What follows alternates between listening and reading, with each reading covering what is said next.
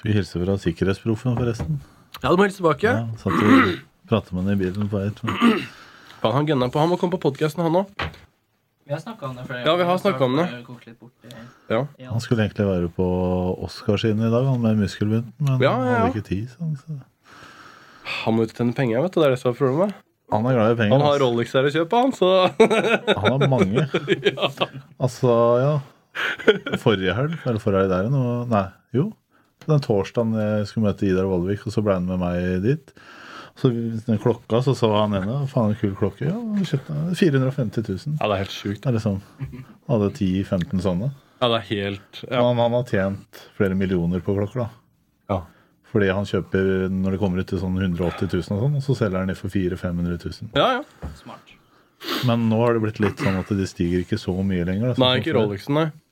Jeg skal ikke si noe. Jeg er, litt glad, jeg er glad i klokka, men ikke, det er ikke så Det er ikke så mye eh, halloi at jeg har havna på det Jeg har Rolex-kjøret. klokke på telefonen, jeg. Så Ja, men det på iPhone ut 6 nye min. Jeg hadde klokke der. Kunne faktisk ha sånn viser på den.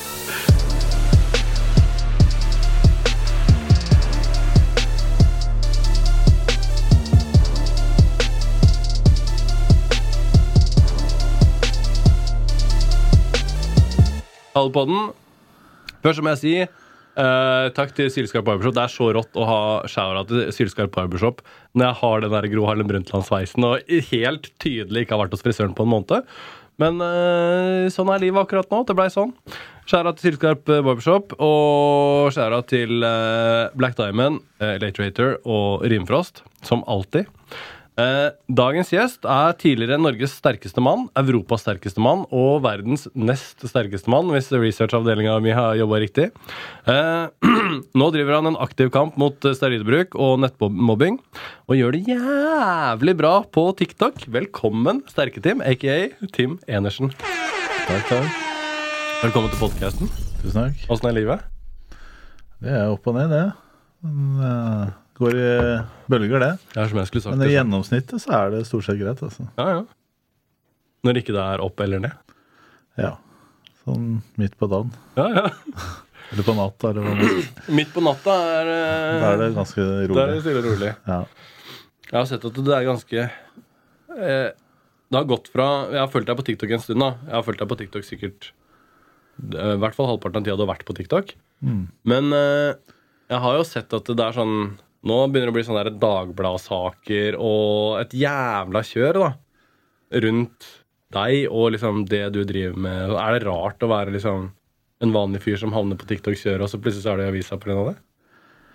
Tenker egentlig ikke så veldig mye på det. Eh, når jeg drev og konkurrerte, så var det jo Dagbladet og VG og TV 2 og sånn veldig ofte. Ja, det er jo sant. Eh, så det er liksom eh, Ja, nei, jeg tenker egentlig ikke så mye på det. Men det er jo hyggelig å høre folk som har lest det og setter pris på det, da. Ja, ja. Det setter jeg veldig pris på. Åssen havna du på TikTok-kjøret? Det var vel egentlig han eh, muskelbunten, som sikkert de fleste vet hvem er. At eh, jeg trenet jo litt med han og sånn, og så bare Så fiksa han det for meg, da. Og så la jeg ut litt trening og sånn, og det blei veldig god respons på ja, gamle treningsvideoer, da. For det er ikke så mye av det nå om dagen, folk som legger ut sånne type øvelser og løft. Da. Så da blei det veldig populært. Og så måtte jeg jo begynne å leite etter gamle videoer og sånn, og så hadde jeg jo ikke noe mer å legge ut. da. Så da Ja, ja. jeg, må jeg legge ut av treninga som er nå, da. Og da fikk jeg så wow, du er så sterk enda, og ja, så blei det bare å fortsette. og Så blei det litt sånn, hva skal jeg legge ut nå? Og så kom det jo vanlige hverdager, og begynte å prate litt om tankene mine og sånn, da. Og da bare bygde seg opp derfra, da. Ja, ja. Når du, når du gjør sånn treningsvideoer, eller når du snakker om de gamle treningsvideoene, er det sånn baseøvelser, eller er det sånn løfte sånn om å gjøre å løfte mest mulig kilo i markløft? Ja, begge deler. Det er jo De fleste interesserer seg jo for benkpress, men det, det trente jeg veldig lite. Men markløft eh, var jo en av de sterkeste i Norge på, og knebøy. Og for så vidt benkpress, da, smalbenk. Eh, Men eh, så er det jo steiner og sånn, og dra lastebiler syns jeg folk er litt artig Ja, å det se er gøy. på. Eh, Så det er eh, mange som ja, kanskje ser for seg at det ikke går an å gjøre det, og så ser man det liksom på en video. Han har jeg faktisk møtt og ser at han gjør det, da. Ja, ja. For det er jo mange ting du kan fake på video, f.eks. Ja, nesten alt kan du fake på video. Men det går faktisk an å dra lastebiler og løfte de tinga, da. Hvordan begynner, hvis, skal, hvis jeg skal dra en lastebil, hvor begynner jeg Hvor begynner jeg prosessen? Da må du bare ta på den sela og prøve. De aller fleste kla klarer det på et eh, vis, da. Eh, vi mennesker er faktisk ganske sterke, så hvis du virkelig vil det der, og lene vekta di framover og bare kjøre på, så klarer du nok sikkert å flytte den noen centimeter eller et par meter. Ja, ja. Men eh, det er jo som å gå på ski. da. De fleste klarer å stabbe bortover på ski, men gjør du det mye, så kommer du lenger og gjør det fortere. da. Og Ja, Sånn ja. er det jo med det her òg, at du må, må bare øve. og Så kan du trene knebøy for, eksempel, da, for å bli sterkere i beina, for å presse på i armer og sånne ting. Så det er jo på en måte, selv om eh, jeg har jo sett mange grisesterke folk prøve å dra lastebil. De står jo bare og bruker rein styrke, og så stopper det etter eh, noen meter. ja, ja. Men hvis du også legger inn litt teknikk og sånn, så, så går det fint. Og det er jo strongman handler mye om teknikk og rein styrke og eksplosivitet. Så hvis du har alt det blanda der, så, så kommer du langt. ja, ja. Jeg føler at uh, strongman, det er noe for meg. Der har jeg ingen av kriteriene, men jeg føler den derre hvis For at det kan jo ikke være helt det, Standarden kan jo ikke være sånn at det er helt umulig å oppnå det. Så det må jo være innafor at, at det er mulig med menneskelig fysikk å få det til. Så jeg kan jo se for meg at liksom, det er vanlige folk som med heavy trening kan liksom komme seg inn strongman i løpet av noen få år. Men det er ganske stor forskjell på å gjøre litt strongman-øvelser på gymmet og være liksom sånn den råeste strongman-fyren i Norge og så konkurrere i Europa og i verden og sånn. Så Ja, da må du liksom bli født med genetikk, da. Eh, altså, jeg har alltid vært veldig sterk, selv om jeg ikke har trent noe særlig, så har jeg liksom alltid vært sterkest i klassen. Og, og kanskje ikke ja, en av de tynneste, kanskje også, men fortsatt vært Skjær, veldig sterk. Uh, og det fant jeg ut når jeg begynte å trene. Begynte å trene sammen med en kamerat. Hvor vi tok cirka like Jeg tok kanskje litt mer enn han i enkelte øvelser. Og så etter to måneder så tok jeg dobbelt så mye som han. Han skjedde ingenting med. Og vi gjorde akkurat det samme. når var det her, da? Ungdomsskolen? Ja, litt sånn type. Jeg trente litt før det òg. Så jeg var jo sånn Onkelen min drev med bodybuilding, så jeg trente litt i kjelleren der sånn i smug. Mamma var ikke så veldig fornøyd når jeg drev og løfta så tungt. Men uh, når jeg begynte på ungdomsskolen, så trente jeg jo litt mer seriøst. da, og så, så hadde jeg en liten pause. Men da jeg begynte på videregående, så begynte jeg å trene litt igjen og kjørte moped til og fra trening. Og da Ja, ja. var jeg liksom skjønte at jeg faktisk var veldig, veldig sterk i forhold til vekta mi, i hvert fall. da. Så Men er det bare Altså En ting er jo som du sier, man må ha en genetikk da, som tillater at man skal på en måte sikkert bygge musklene så raskt og, og bygge de rette musklene. Og jeg aner jo ingenting om de greiene her, da, men fa skjønte du allerede da at uh, din genetikk var liksom lagd for bygging? Nei, absolutt ikke. Fordi det er ganske mange som har genetikk til å bare bli plutselig store, og så stopper det der, da. Og det er jo ikke sikkert det er bare genetikken som stopper deg, men det er jo motivasjonen og hvordan ja, du utvikler deg i hodet også, da. Det er ikke bare muskelmassen som styrer eh, kroppen, for å si det sånn. Ja, ja. Så det er jo det å få med seg alle de små greiene i ett, at du bygger muskler relativt fort da, og har eh, hodet med deg ja, uke etter uke. For det er jo ikke bare å trene et par ganger i uka. Du må trene konstant. Du må spise riktig, du må sove riktig, du må hvile riktig. Ja. Alt må gjøres ganske greit da, hvis du skal være i toppen. Og hvem som helst kan jo starte med strongman og gjøre det greit. Men hvis du ikke har de riktige genene på din side, så kommer du jo faktisk ikke i toppen uansett eh, hva du gjør. Og sånn er det jo sikkert med ski også. At eh, Sånn som Petter Northug, som vant stort sett alt han vant på en stund. da. Mm. Han hadde ikke klart det kun ved rein trening. Han var jo, det er jo et eller annet som ligger i han, så han klarer å prestere bedre der enn det han hadde gjort i boksing, på en måte. Mm. Så, så Hvor mye som- tror du er mentalt av det? Det er veldig mye. Fordi eh, det er liksom Jeg merka når jeg trente strongman, da når jeg liksom var grisesliten og nesten grein Jeg sto ute og trente i ti minus aleine. Og så bare skulle jeg på Europas sterkeste mann om fire-fem uker, da. Så bare nei, jeg kan ikke gi meg nå. Jeg må trene litt til.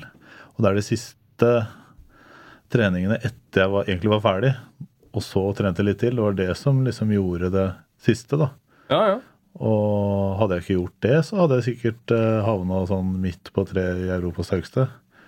For all den mengdetreninga som jeg gjorde etter at jeg var eh, utslitt, som ga den siste eh, ja, formen min da, til konkurransene. Som du vant da Europas rekkespann? Jeg kom på andreplass to år på rad, men ett år så kom jeg på delt førsteplass. Så Ja, det tels, det. Det tels som å vinne, det.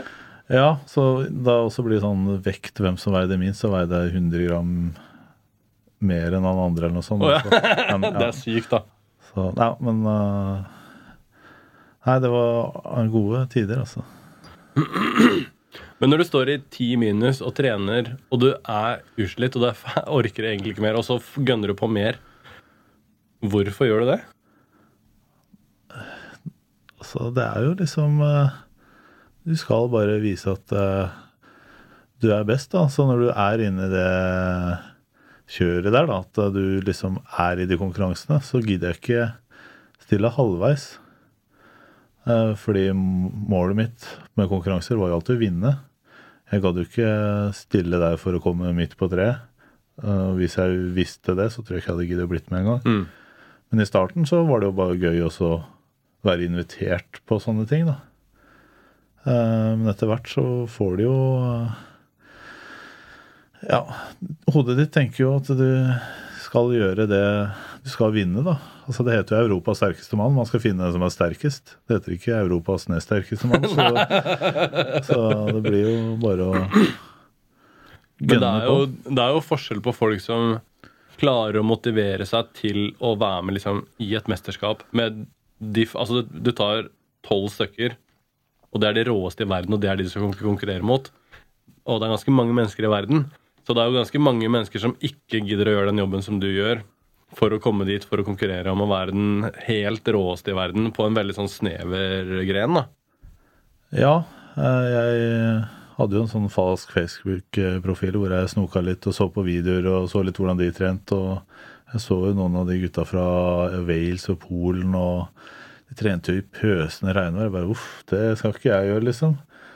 Og så blei det sånn der at jeg skulle trene da ute. Så faen, jeg meldt regn en uke strekk. Så jeg må jo trene. Jeg kan Ja, ja. ikke vente en uke, liksom. Ja. Så, så blei det egentlig bare sånn at uh, du så litt hva de andre gjorde, da, som hadde deltatt før. Kopierte det litt med din egen eh, strategi, da, så Så gjorde det gode resultater. Og lørdagskvelder slappe av og spise og ja. Ikke være på byen eh, hver fredag og lørdag, sånn som jeg gjorde før jeg ble med der. Men er det sånn der, Har du sett han David Goggins? Nei. Ok, så det her er en um, En fyr som eh, var basically kjempe, kjempe utrent, og overvektig og sånn, og så eh, gjorde han eh, sånn Navy Seals-trening, og nå er han sånn her motivational speaker. Gjør sånne ultraløp og sånn. Gjør 100 ultraløp i et år. sånn. Nei, Det er helt sinnssykt. Han er den som gjør det, det sykeste av det syke. Um, og han har sånn eh, Han har sånn eh, motivasjonstaler og sånn. Han han er stein gæren. Og der er det litt sånn Hvis det regner, da skal du ut og løpe. Og hvis det er dårlig stemning, da skal du gønne på. Og det er sånn, Han løper ikke med musikk, f.eks. Det skal være på den jævligst mulige måten, sånn at når det virkelig gjelder, så er det liksom Eh, som du sier da, I konkurranse, eksempel, hvis du er vant til å stå i 10 minus og løfte de steinene I en konkurranse, og det er eh, 20 grader og sol, og du er i Italia og konkurrerer Faen, det er perfekte forhold! Du har aldri trent i så bra forhold som det. Og han er helt rå på det der. Det er sånn eh, eh, Nesten sånn der eh, du spiser rå biff til frokost, fordi alt annet er jo luksus eh, i forhold. Og liksom ja, Han er helt gæren. Altså, han er helt rå. Men kanskje den, den liksom eh, Som har gjort den derre eh, forvandlinga i livet eh, hvor du har liksom gått fra en type person da, til noe helt ekstremt, og gjort det på en sånn måte hvor at du veldig lett liksom kan se før og etter, og er veldig flink til å liksom forklare det og sette ord på liksom eh, det, hele den der eh, Han er veldig sånn der Wake up, motherfucker! Du må liksom bare gønne på-type fyr. da Ja. Jævlig motiverende. Det er sånn, Se to videoer av han, og så er du hypp på ut og løpe. liksom. Du kan ha aldri løpt en dag i ditt liv, og du er ute og løper om ti minutter. liksom. Det er helt sjukt.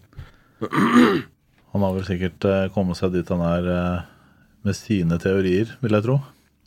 Ja, ja, ja. Eh, og sånn har jo jeg også gjort. Jeg hadde jo aldri giddet å hørt på en sånn fyr som hadde stått og sagt 'jeg gjør sånn, du må gjøre sånn'. ja, ja. Da tror jeg jeg hadde gjort det motsatte av han, på en måte. Hadde for å det? bevise at jeg har en annen strategi. Den skal jeg faen meg slå deg med. Om jeg skal trene dobbelt så mye, så skal jeg slå deg. Uten å bruke den strategien. ja, ja. Så jeg hater å bli pressa på, den, eh, på den harde måten der, da. ja, ja. Så jeg liker heller å være hard med meg selv når det er eh, viktige ting. da. Sånn som for meg så var jo konkurranse viktig på den tiden. Og nå er jo jobb og familie viktig, og da er det viktig å være strengt med seg selv på det. da. Og nå er treninga sånn ikke så farlig om jeg ikke drar på gymmet i dag, liksom, sånn som før. Da var det jo helt krise hvis jeg kom ut og hadde lagt opp femukersplan, og så jeg kunne ikke dra på trening den dagen. Så ja, da blei det bare helt krise. ja, ja. Men nå så trener jeg jo veldig lite. Skulle helst uh, trent litt mer, men Du er ikke aleine om det, ikke tenk på det. Hvordan er det du legger opp for det? Vi, vi gjorde en podkast med Kenneth Berg, han er MMA-fighteren, ja, det. eh, for litt siden. Og han har sånn tre, tre ganger om dagen. Har sånn heftige greier. Tre ganger om dagen, men bare fem dager i uka eller et eller annet. Mm. Så han har to hviledager. Er det liksom er det, Når du jobber mot Strongman, er det liksom er det, Må man legge så mye innsats i det, på en måte? Nei, eh, du kan ikke trene så mye da. Fordi han river jo ikke muskelfibrene så mye sånn som vi. Nei, nei, Han nei. trener jo mye teknikk og utholdenhet og sånne ting. Og her er det jo å rive musklene fra hverandre. Og så skal du ha konstant hvile for at det skal gro sammen igjen. da. Så her er maten og hvile viktigere. Det er sikkert veldig viktig med mat og hvile i MMA òg, men her så kan du ligge på sofaen med god samvittighet. da. Ja, ja. Hvis du kjører bare mat og hvile sånn som meg, ja. Da, da blir man deretter, da. Men det holder deg grei form, du òg. ja det er fordi at du ikke så meg for to år siden. Ikke tenk på det. Så ikke tenk på det. Hvor mye må du spise når du skal eh, Hvis du er liksom i sånn heftig oppkjøring til Strongman? Nei, de heftigste oppkjøringene spiste jeg ganske mye.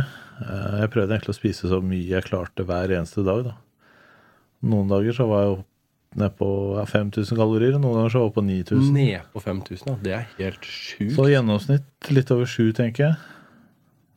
Og jeg føler egentlig at jeg forbrenner litt mer enn gjennomsnittet også. Sånn at jeg følte jeg hadde litt mer jobb med å spise enn mange andre, da.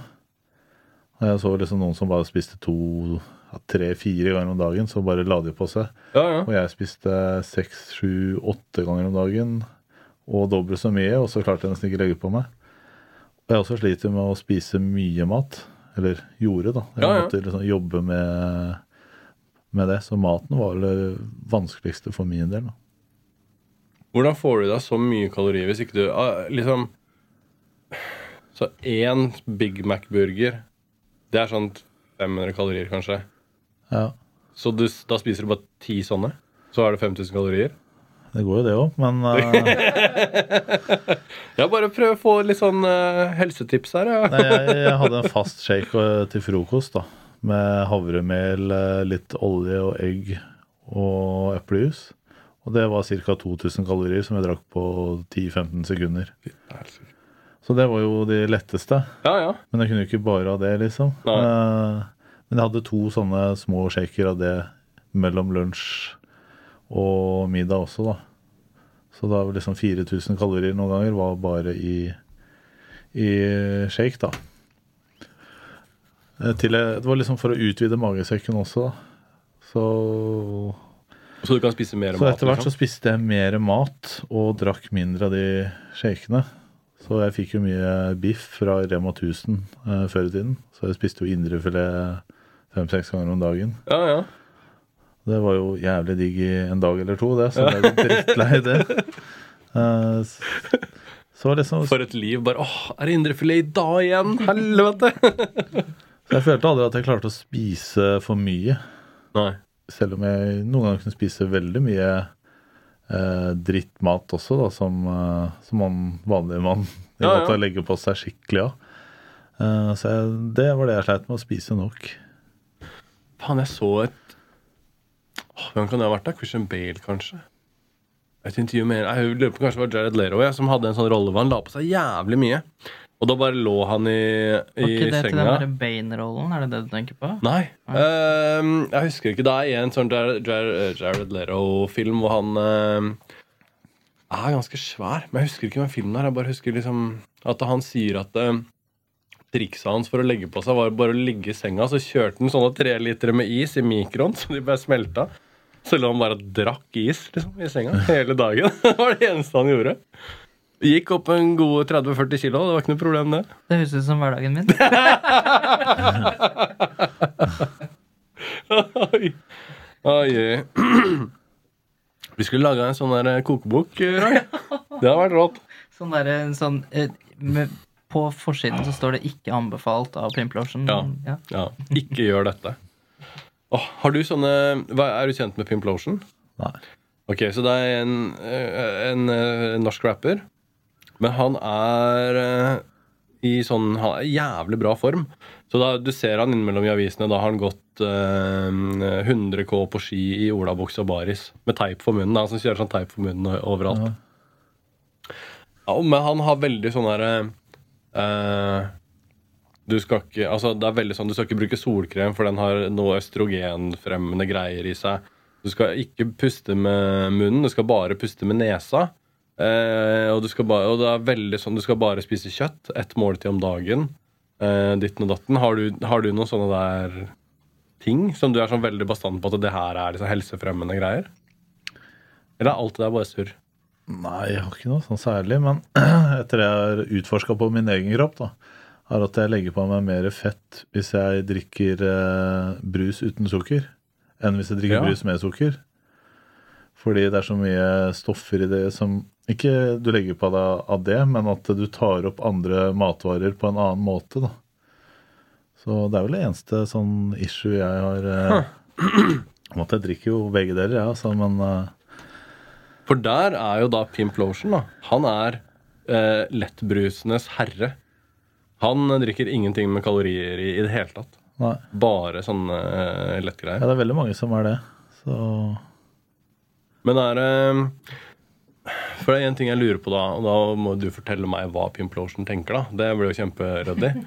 Men eh, hvis man er en sånn fyr da som gjør liksom 100 ting riktig, på en måte, for å holde seg i kjempebra form, kan det være sånn at eh, 30 av de tinga er riktige, og de andre har egentlig ikke så mye å si? ja, det vil jeg tro. Jeg også gjorde sikkert ting som kanskje ikke var eh, Som mange andre mente var ikke var riktig, da. Ja, ja. Men uh, hodet spiller ganske mye rolle med alt du gjør, da. Så hvis du tror at det funker bra, og det er en rutine, Ja, så blir det sånn at uh, da går det lettere. Men hvis du skal tenke mye på at det der funker ikke for meg, det der Mm. funker ikke for meg, men jeg gjør det likevel, så bruker kroppen din ganske mye energi på tanker. Ja, ja. Og det har jeg også merka at jeg var, tenkte veldig mye før konkurranser, brukte mye energi på det. Og hvis jeg ikke hadde gjort det, så kanskje jeg hadde prestert enda litt bedre. Da. Ja. Er det sånn at du at Er det liksom Strongman, er det sånn flytsonebasert? Eller hvis du skjønner hva jeg Nei. Ok, så Det her kan jo hende at det ikke er en ekte ting, da. Men jeg har i hvert fall mye kunstnere og sånn, og folk som jeg kjenner som jobber i kreative yrker, er litt sånn, og jeg er litt sånn, ja, hvor at eh, hvis jeg gjør en svær tattis, jo mindre jeg blander meg i det, jo bedre er det. Hvis jeg nesten ikke er til stede, så da, da blir det best, på en måte. da. Jo mer jeg må tenke og ordne, jo på en måte mer roter jeg det til, da. Uh, det blir alltid dritfest, selvfølgelig, men uh, og det er mange sånne som liksom kjenner igjen den der i kreative yrker. At man liksom bare er nesten sånn til stede. Tingen blir gjort, og du er til stede, men det er liksom ikke som om du bevisst gjør den tingen. da. Jeg skjønner hva du mener, og jeg kjenner meg litt igjen der, faktisk. At eh, hvis det er én øvelse igjen, da, så er det du og en som har likt med poeng. Og den som vinner siste øvelsen av den to personene, den vinner konkurransen. Og da har jeg jo noen ganger vært sist ute, så har jeg sett på utøveren før meg som roter vanvittig mye. Ja. Og han mest sannsynlig har tenkt veldig mye på hvordan han skal gjøre det, og så ble det bare rot. Og så kommer jeg, og så bare ja, bare gjør det. Ja. Jeg tenker ikke noe mer på det. Og det tror jeg har vunnet ganske mye på, at jeg sjelden gjør feil på konkurranser. Eh, Det er veldig, veldig sjeldent. Den største feilen gjorde jeg fordi jeg ikke kunne engelsk så godt. Så oh, ja. jeg mista VM-tittelen på den. ja! Hva skjedde? Nei, vi sto der og hadde utøvermøte på engelsk. da. Så var det sånn loading hvor du skulle løfte sånne ting opp på stativ og så hente nye ting. Og så Og vanligvis så setter du bare den tingen så lenge den står, så kan du hente neste ting. Og så sto den en centimeter på utsida, noe de hadde sagt på det møtet oh, ja. ikke skulle skje. da. Ja. Da Så når jeg måtte løpe tilbake, rette på den, og så løpe tilbake for å hente ny ting igjen, da tapte jeg liksom 20-30 sekunder. Og da kom jeg midt på treet istedenfor å vinne den øvelsen, som jeg Ja, mest sannsynlig hadde gjort. Og da, da var VM over midt i VM. Fy faen. Da visste jeg at fordi han andre som, kom, som vant, da han var, jeg og han var egentlig ganske like. Så det var egentlig bare dem som ja, utførte øvelsen best den dagen, som kom til å vinne. da. Helvete. Så hadde jeg vært litt bedre i engelsk, eller Ja, jeg skjønte ikke helt hva de mente, i hvert fall. Det er jo- Så, så jeg vet jo det at det hadde ikke kosta meg mer enn 0,01 sekund ekstra å få den innpå, da. Ja, ja. Men da, eh, så da er jo det veldig sånn konkret, at da vet du at okay, det er en ting du må trene på. Det er jo ikke alltid man vet hvem ting man må trene på, men da vet du tydeligvis det. Men når du da på en måte taper, da Du gjør det jo dritbra, for at å være midt på treet sånn i et eh, verdensmesterskap er jo eh, fortsatt dritbra. Men i huet mitt da så var det ikke bra. Det er første gang jeg har vært sur på en konkurranse. Jeg slang beltet i gulvet, husker jeg. Eh, å komme midt på treet, det var eh, som å tape hele dagen, på en måte. Ja, ja. Så jeg følte egentlig at jeg tapte VM, selv om jeg kom på andreplass. Så Åssen Hvor lenge Eller hvor lenge gnager det på huet etterpå, liksom? nei, de gjorde faktisk ikke det. Eh, hadde det bare vært at jeg hadde gjort en feil fordi jeg hadde trent feil, så hadde det kanskje vært verre, men her var det bare at jeg, jeg gjorde det jeg kunne, da. Mm. Og jeg hadde ikke trent på engelsk godt nok, så og det, Sånn var det med den saken. Jeg tenkte ikke så mye på det. Hvor mye var engelsk eh, en del av oppkjøringa til eh, mesterskapet etter det? Hadde du sånn ABC, I'm a boy, I am you are, It it is og sånn? Ja. No. Det var liksom eh, Nei, jeg følte jeg kunne greit nok engelsk til konkurranser. da, Fordi fra Øst-Europa og sånn, og mye fra Polen og sånn, og de prata jo dårligere engelsk enn meg. Ja, ja. Samme type engelsk som meg, også, Ja. så vi forsto hverandre veldig godt. Så Nei, jeg tenkte faktisk ikke så mye mer på det. Men jeg lytta litt mer og kanskje spurte litt mer. Var noe jeg var litt i tvil Hva betyr det ordet der og sånn, liksom? Ja. Nei, jeg forstår egentlig ganske mye ord, men også få med hele sammenhenger uh, i en prat som går litt fort, da, det kan eh, Ja, være, være litt det, eh, problem. Og det verste er at det er så forskjellig fra land til land òg. Det er sånn Jeg var og jobba i Thailand for 1000 år siden, og da var det sånn Da må du nesten snakke med sånn thai-aksent. Eller da, da det er 20 år siden. Men da måtte jeg snakke med sånn thai-aksent på engelsken for at de skulle forstå hva jeg sa. Hvis jeg snakka liksom bare vanlig engelsk, så skjønte de ikke én dritt av det. Så da var det sånn, i det tattoo-studioet så var det sånn lokalengelsk som alle snakka det med hverandre. Og sjefen var tysk, liksom. Han snakka thai-engelsk, han òg, liksom. Ja. Jeg har et eksempel på det fra, fra Frankrike med pappa. Vi bestilte mat, og så sto det liksom i menyen For det verste av alt er et franskt ord, altså roquefort. Ja. Osten roquefort, liksom. Ja, ja. Bestilte noe biff og liksom Ja, skal ha uh, Yes, uh, with uh, roquefort. Og hun dama bare skjønte ikke, han pekte til med liksom, der står det roquefort, og sa det sånn tre-fire ganger. Og så til slutt så sier hun dama liksom roquefort, og han bare ja. Uh, ok, ok. Og da det, var liksom det han hadde sagt i ti minutter, liksom. liksom. Men hun skjønte det ikke fordi det liksom ikke var en Ja. lille Franskene er litt vanskelig der, da. Ja, det gjør seg litt ekstra vriene noen ganger. Roquefort! Fytti helvete. Rødvin, gammelost og roquefort, er ikke det den sangen her? jo, det er det. Hørtes helt nydelig ut, spør du meg. Høres ikke ut som en crazy ass-låt, for å si det sånn. Da kommer rockeforen i veien for drikkinga, tenker jeg. Eh, ja, det her um, Vi har en researchavdeling som har jobba ganske heavy på Wikipedia de siste dagene. Um, jeg leste på og Det er meg, da. Jeg leste på Dagbladet at uh, når du meldte deg på Strongman i 2015, så meldte du deg på sånn 14 dager før det var. Og så var du langt unna vektklassen. Er det en sann historie, eller er det sånn der skrøne, Nei, nei, det er faktisk sant. Hva var det som skjedde? Nei, jeg hadde egentlig bestemt meg for ikke delta. Eh, og så Når det nærma seg, så begynte det å krible litt. Og så veide jeg jo eh, Var det 15 kilo for mye tolv dager før. Fytte helsike. Og da var det bare å legge om kosten, da. Og, og så da gikk du ned 15 kilo på 11-12 dager, liksom? Ja, siste fire kiloene gikk jeg ned samme dagen da, i badstua. Så, og da, hadde jeg, Det er jo helt sjukt. da var jeg faktisk ikke sånn sinnssykt god form heller, så Men uh, det var bedre enn de andre, da. Ja, ja. Du, og da vant du, ikke sant? Ja, jeg trengte Så du gikk ned ikke 15 kilo på gjøre den tida, så vant du Ja, jeg trengte ikke gjøre siste øvelse heller for å vinne, så serr? Selv om jeg gjorde den. Bare på trass, liksom? Bare for å vise de andre? Det blei jo litt sånn. Ja, ja. Det er overlegent. Hvordan går man ned 15 kilo på 11 dager? Jeg spør for en venn. Nei, altså Når du har pressa kroppen din for å komme litt opp i vekt, da, så er det veldig fort å gå ned de kiloene du har pressa til å gå opp. Ja. Men når du skal ned enda ytterligere, da blir det liksom litt uh, verre, da. Uh, da må du fjerne vann. Du får ikke Ja. fjerna noe fett på to uker. Så er jo vann i kroppen, i kroppen, så du må presse ut av muskulaturen. Og det, det får du ved å ikke spise for mye salt og karbohydrater. Da. Så det var liksom bare å kutte ned veldig fort.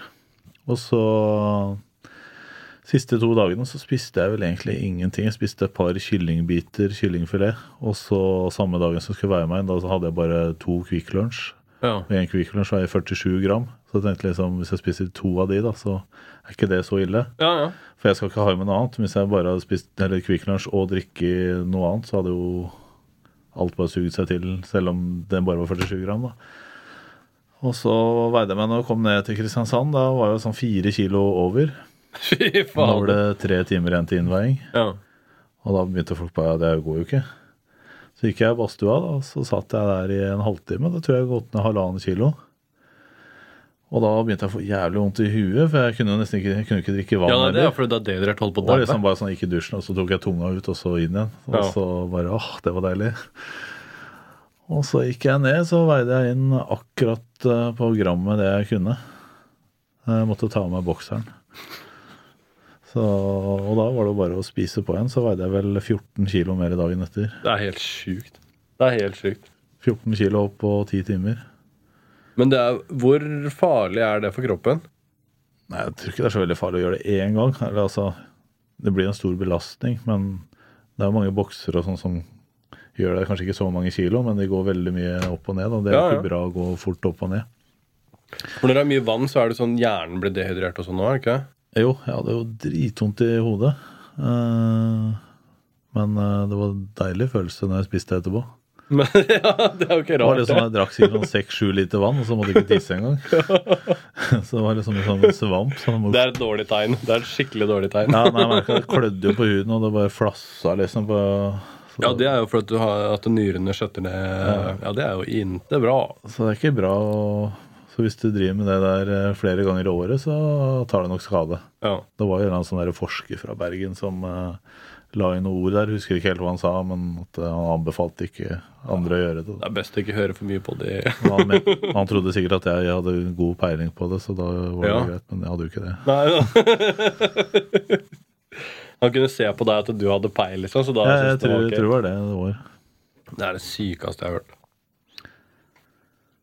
Men når vi snakker om, uh, om crazy ass, skal vi kjøre en liten satellitt?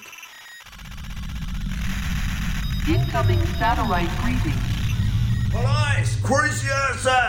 Det er et spørsmål jeg vil stille av sterke Tim. Hvorfor liker du ikke kjønnshår? Altså, respekterer du ikke kvinnekroppen sånn som den er lagd? Nei, altså Kjønnshår, det Det er jo lagd for at det skal være der. Han, han har jo rett til det. Han har jo det. Han er jo inne på noe der. Det er han jo, men uh, trenger jo ikke være der heller. Det er jo grunn til at de selger barberhøvler og at uh, de tar laserbehandling og sånn. Det er jo grunn til at dama mi blir kalt for lasermusa. Men han skje- skjever jo trynet sitt, da, så Så er jo litt av det samme, men uh, få hår mellom tenna og sånn, det Nei. Jeg er veldig glad for at han spurte om akkurat det. Når han da hadde muligheten til å spørre om hva han ville i hele verden, så var det spørsmålet hans. Ja. Nei, det, det er ikke noe for meg. Altså Glattmus er ikke noe for han. Og Nei, nei, nei, nei det kommer i veien på drikkinga det, så ikke tenk på det. jeg drikker bris, og han drikker champagne, så det er liksom Fytte helvete. Ok, la ehm, Jeg har sånn et par ting som vi må snakke om. Eller vi må ikke snakke om det, men jeg har et par ting som jeg vet at du er sånn eh, Har på din agenda, da.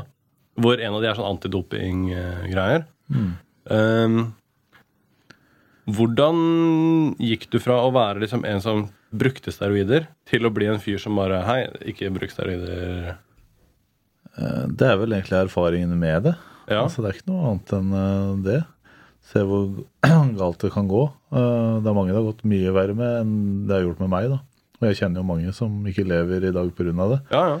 Så, og jeg ser hvor utbredt det er nå, da.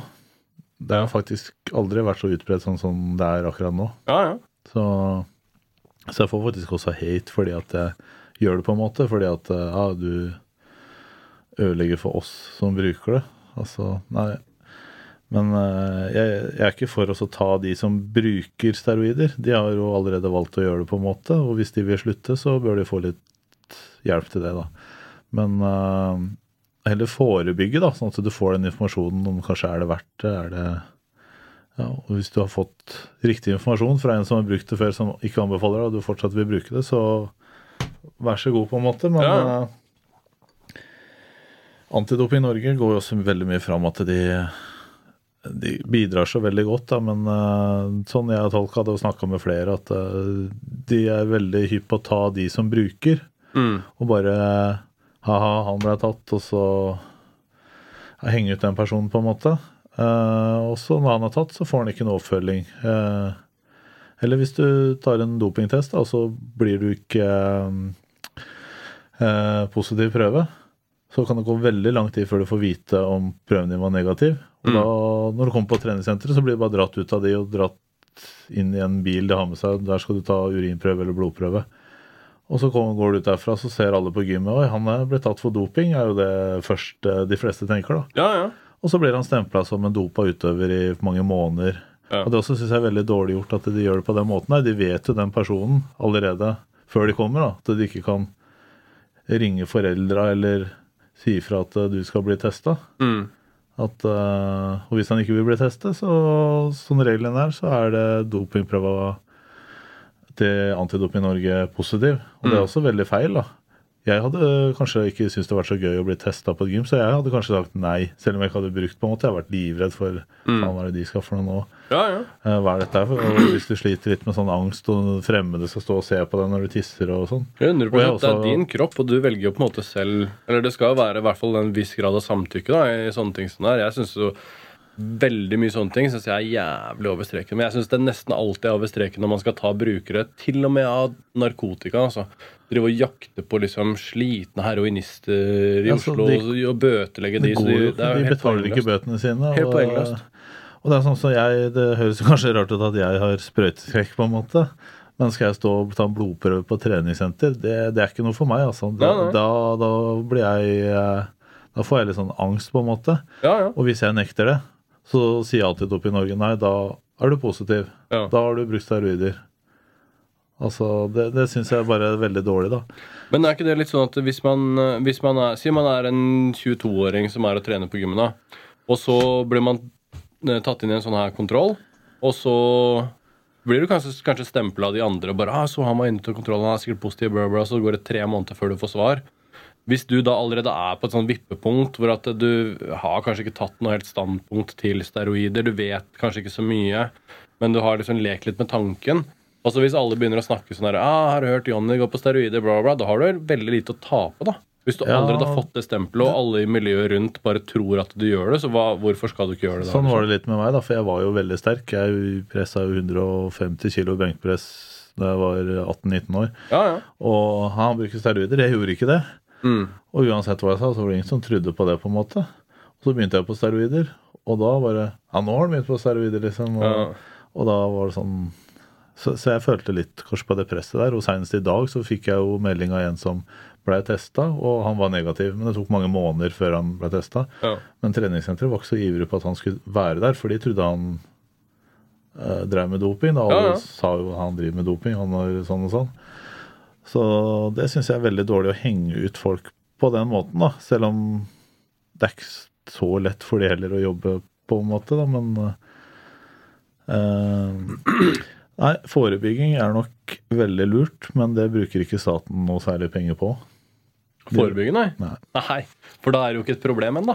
Det er mye enklere med straff, er det ikke det? Jo, jo. Straff er jo enda noe, da. Men det er jo liksom noe med Nå drar jeg mange paralleller til eh, steroidebruk og liksom generell narkotikabruk. Da. Det er kanskje ikke riktig, men det er jo en sånn linje som Norge har lagt seg på. At det er mye bedre å ta det i etterkant, når problemet har kommet. Og så prøver man å få dytta det inn litt andre steder hvor at eh, ja, man putter det litt inn i psykiatrien eh, her. Det har ingenting med den dopbruken å gjøre, men så Nei, putter vi det der. Og kanskje det det samme, litt det samme steroider og sånn. Jeg ble også eh, tatt selv eh, for mange år siden. Så kom det hjem på døra. Jeg måtte tisse, og ja, de fant eh, noe dopinggreier, bare noe småtteri, noen rester jeg hadde. Og så fikk jeg en bot, da. Den ble på 4000 til slutt. Og jeg var full av steroider, men prøven min den viste at jeg ikke hadde steroider. Ja. Så jeg fikk jo ikke noe bot for å bruke. Ja, så hvor uh, troverdig er det her, på en måte? Når jeg liksom brukte ditt og datt, og så kommer de ikke opp på at uh, jeg har testa det. Men jeg fikk bare bot for å bruke det. 4000 kroner. Ok, jeg bare betaler det, så drar jeg og kjøper nye ting. fordi jeg har tatt det er ikke noe skremsel for eh, meg når jeg var i full action, for å si det sånn. Nei, er jo gæren. Og det jeg ofte ser nå, er at de tar sånne store folk på gymmet. Ja, han ble tatt. Ja, hva faen, han driter vel i det, han. Ja. Eh, det er livet hans, det. Ja. Det har han holdt på med i 20 år. Hvorfor skal han bare plutselig bli stoppe med det fordi han fikk en bot på 4000 kroner? Ja, ja. Eh, 10 000, 20 000 det hadde ikke hjulpet, han hadde fortsatt. Men si han har bestemt seg for at han har lyst til å slutte, da. Er det noe system for det da? Er det noen du kan gå til som på en måte hjelper deg? Det har jo den dopingtelefonen, men uh, der sitter jo folk som er utdanna. Som sier har, sånne, har en rød tråd, da, du bør gjøre det og det, og så funker ikke det, så prøv det og det. Men istedenfor å bruke folk som kanskje har eh, brukt det tidligere, da, og vet liksom Det var jo en periode jeg kanskje hadde lyst til å slutte, liksom, men jeg var liksom inni det, så jeg bare måtte fortsette fordi alle så at eh, det var han som var stor og sterk, da, på en måte. Ja.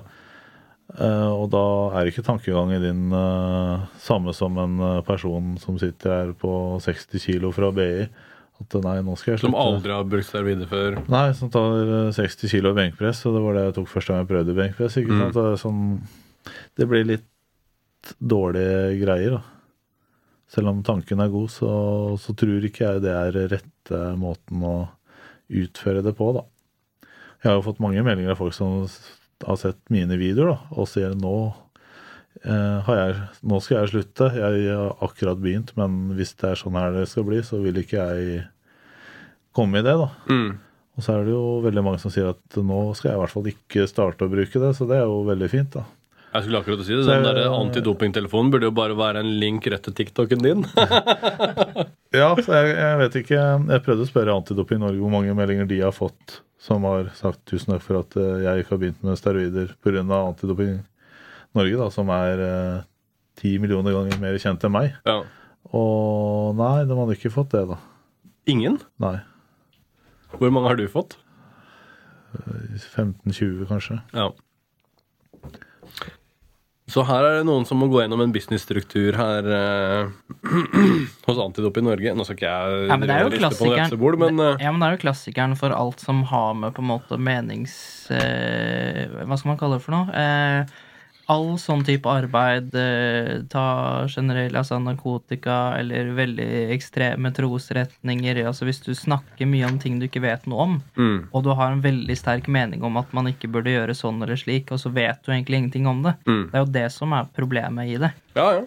100 Det føler jeg egentlig litt sånn med narkotika og rus og sånn, at eh, der har du begynt å få inn litt folk som har eh, vært rusavhengige før, da. mm, og bruker sin erfaring, og det tror jeg funker veldig godt. da. mm. For hvis du er på en sånn institusjon, da, så kommer der, og du er 40 år gammel, har jo brukt rus i 15 år, og forteller de gutta at de har hatt et helvete og sånn, sånn, da tror jeg de, de som er der, ser veldig opp til deg, da, Mm. i forhold til en som ikke vet noe annet enn forskningen sier, da. Mm. De har liksom vært der selv, de har hatt venner som har blitt drept, og de har vært kriminelle, de har driti totalt i familien sin. Hvor galt det virkelig kan gå, da. Mm. Det tror jeg hjelper veldig, veldig mye mer enn uh... Og ikke bare det, men det viser jo at uh, hvis man kanskje er i en situasjon da, hvor at man føler at det her er ikke noe utvei på, så er det mye enklere å sitte og snakke med noen som har vært i den samme situasjonen, som har kommet ut av det. Så du kan jo, altså Selv om du tror at ok, det her kommer aldri til å fungere, så du ser at det kan jo fungere, for at du sitter ja. og snakker med noen som har gjort det.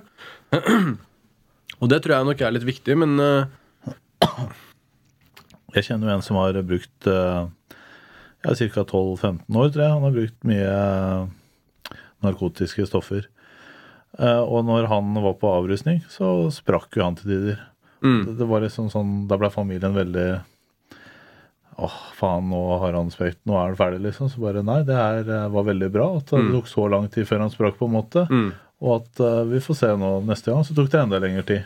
Og det var liksom en del av behandlinga. Det var folk som hadde rusa seg før, da, som fortalte det til foreldrene at det her er på veldig, veldig rett vei. da. mm, Og hvis han bare hadde fått høre det at nei, faen, av familien sin, nå har du gjort det og det, og så bare mm, Men da liksom gikk familien en runde med seg selv. Ok, vi skal gi den en sjanse til. Så gikk det enda lenger, og så ja, ja. og sånn også er det veldig motiverende å høre da, fra folk som har vært der selv, at eh, for han som sprakk også, da, at eh, han tenkte jo sikkert selv faen, nå er jeg tilbake igjen. ja.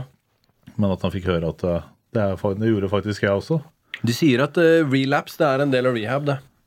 det. Det må liksom gå sånn Nå skal jeg være forsiktig med å snakke for mye om ting jeg ikke har greie på, men jeg, jeg har jo noen sånne kompiser ja, som har vært noen runder eh, fram og tilbake. Blant annet en eh, rapper som kaller seg for DVD, som har vært på podkasten her tidligere, som var liksom kav sprøytenarkoman i ti år, og var basically helt lost case, og er nå liksom familiefar og gjør det dritbra og, og liksom lever et helt vanlig liv, da.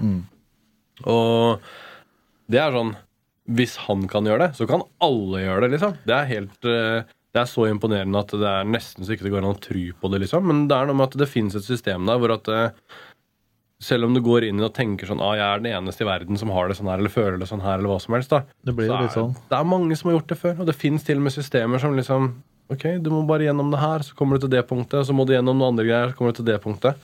Men når, du, eh, når man snakker om drugs og sånn, det er jo litt vrient eh, med ikke noe særlig kompetanse, men eh, når det kommer til steroider, så er det kanskje noe annet, fordi at kroppen din trenger jo Testosteron er vel kanskje Hvis du bruker mye testosteron, så vil du ikke produsere så mye testosteron selv. Ja. Så da må du jo fortsette å ta testosteron, eller, Ja, du må må jo gjøre et eller annet Ja, ikke sant? Altså hvis jeg hopper over en uke, sånn som jeg har gjort, da merker jo hun samboeren at eh, Blir hun muggen? Han gjør det. mye mer sliten. Uh, fordi Hæ? Og muggen. For da, dette er langt under. Jeg merker det selv også. Mm. Uh, og nå var jeg hos legen sist, og så tok jeg, da lå jeg rett over normalen. Og da har jeg klart å følge det, på en måte. Og jeg har også ligget langt over normalen før jeg brukte. Er jeg ganske sikker på selv, selv om jeg aldri målte, men jeg vil tro at jeg lå langt over. Eh, og nå ligger jeg rett over, bare to-tre verdier over det som er normalt på min alder og vekt og alt sånt. Ja, ja. Uh, og nå føler jeg det er veldig bra. Uh, og når det er dårlig, så har jeg faktisk ikke tatt i det siste. da. Så jeg Mm. burde jeg kanskje, neste gang jeg kanskje glemmer det, at jeg drar og sjekker hva er det jeg har da. ja, ja. Eh, Men fins det et ordentlig system for det, hvor at uh, hvis du da uh, tar kontakt med noen og du slutter med steroider, er det sånn at det fins et medisinsk system der som følger deg opp med testosteronbehandling eller TRT eller sånne her ting i ettertid? nei. Det er nettopp det. da, Hvis politiet kommer og tar fra deg tingene dine og gir deg en bot, og du kanskje ikke tør å kjøpe ditt eget igjen, på en måte, du sitter der, så har du null egenproduksjon. Da vil kroppen din sove 23 timer i døgnet. Mm. Og hvis du ser på en humorserie du har sett og ledd av eh, hele livet, og setter på den, så er det sikkert mest sannsynlig så driter du hele serien. Du, og da bryr du deg ikke om familie, du bryr deg ikke om noen ting. Du må dra til legen, så må du ta en blodprøve. Ok, nå har du ikke noe egenproduksjon. Nå må vi vente tre måneder, så må vi se hvordan det er da. Og tre måneder med den eh, nedturen der, da. Ja, hva gjør du, eller er det bare da sier systemet bare sånn vi ses om tre måneder? Ja. Kanskje? Hvis du kommer tilbake, liksom? Ja. Og de aller fleste tilfellene så er, Det er vel ikke noe statistikk på det, men jeg kjenner jo mange og vet litt hvordan det er. Så drar de og kjøper sin egen testosteron, da. Istedenfor å ta livet sitt, eller hva mange velger. Jeg kjenner mange som har tatt livet sitt på den ventetiden der også. Ja, ja. Og det er veldig dårlig at politiet bare De skal ta han. Ferdig. Sånn. Uh, Istedenfor at eh, ok, han har vi tatt. Eh, han kan gå til legen, og han kan få litt eh, på resept, og så gå rolig av isteden. Mm. Istedenfor at de bare tar fra han alt. Du er på bånn gass med steroider, og så går du til rett ned. Det er, det er, eh, er faktisk ikke avhengighetsskapende i seg selv, da, på en måte sånn som nikotin og heroin og sånn, men eh, du blir en annen person. Og når du blir en annen person ufrivillig, så vil du jo gjerne ikke gjøre det. Du klarer ikke å styre det. Du bare du blir dratt med, du vil ikke det. Altså går jo hele tankegangen din på, på det. da. Du får jo ikke fokusert på noen ting. Nei, nei, nei. Jeg hadde jo ikke klart å jobbe. Du må jo Ja, kan ikke sjukemelde deg i tre måneder, på en måte. Det er det som skjer, da. Så det koster jo staten Hvis en person sykemelder seg et halvt år, i stedet f- og så får eh, 300 000 av Nav, så er det vel billigere å få noen vaksiner til 4000-5000 kroner og noe legebehandling. Ja, ja. Men de sier at nei, det er pga. penger at de ikke gjør sånn. Ja, Men det er to forskjellige budsjetter, vet du. Ja, det er, ikke det er på det. helt høl i huet. Og jeg har prøvd å finne ut av hvorfor det er sånn, men det er ingen som svarer nei. Det er forskjellige budsjetter. Mm. Så bare ja, men Det er som om det ikke kommer fra det samme jeg kan stedet. ikke jobbe sammen. altså På en byggeplass så er jo det budsjettet er ikke til det, det budsjettet er ikke til det. Men hvis de snakker sammen, så blir det billigere for begge to. Det er samme fyren som betaler regningene, det er det ja, som er det er helt utrolig. Høres ut som alle systemene her. Jeg kjenner dem fra jobbsammenhenger også. Liksom. Det- er jo Donald Duck-serie, det er Stortinget. så det er- Men det er kanskje den tingen jeg har vanskeligst for med Norge. For det er sånn Vi har et, åh, vi har et veldig bra sånn sosialsystem. Nav fungerer ganske bra. Og det er sånn Det er vanskelig for meg, for jeg har vært rundt i hele verden og sett at det er stort sett dårligere enn i Norge overalt ellers. Men akkurat det systemet hvor at det sitter ei kjerring og, og godkjenner en sånn der, og sender det videre til noen andre som skal se på den, putte det inn på en computer og godkjenne det der, og så skal det videre til noen andre. Det er hundretusenvis av mennesker i Norge som har den jobben. Bare sende et papir videre til neste menneske som skal videre til neste menneske. Og det er ingenting som skjer. Det skjer liksom ingenting. Du skal bare sende oss papirer rundt. I sirkler rundt på kontorer. Det har jeg veldig vanskelig for. For det, hvis du har lyst til å bygge en garasje, bare bygg en garasje. Er det så farlig? Hvis, du har, hvis det er din tomt, kan du ikke bare bygge en garasje. Det er ikke så Så er farlig. vi nordmenn og skal krangle. Nei, har holdt på i to år og søke om naboen syns det er greit. siden, ja. Ja, ja, ja. Og, nei, og du skal ha én kvadrat mer. Nei, det går ikke.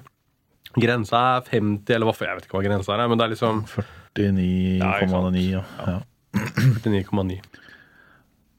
Men da kan du også få en skikkelig smell hvis du bygger den feil. Så Ja, da må du rive den. ja.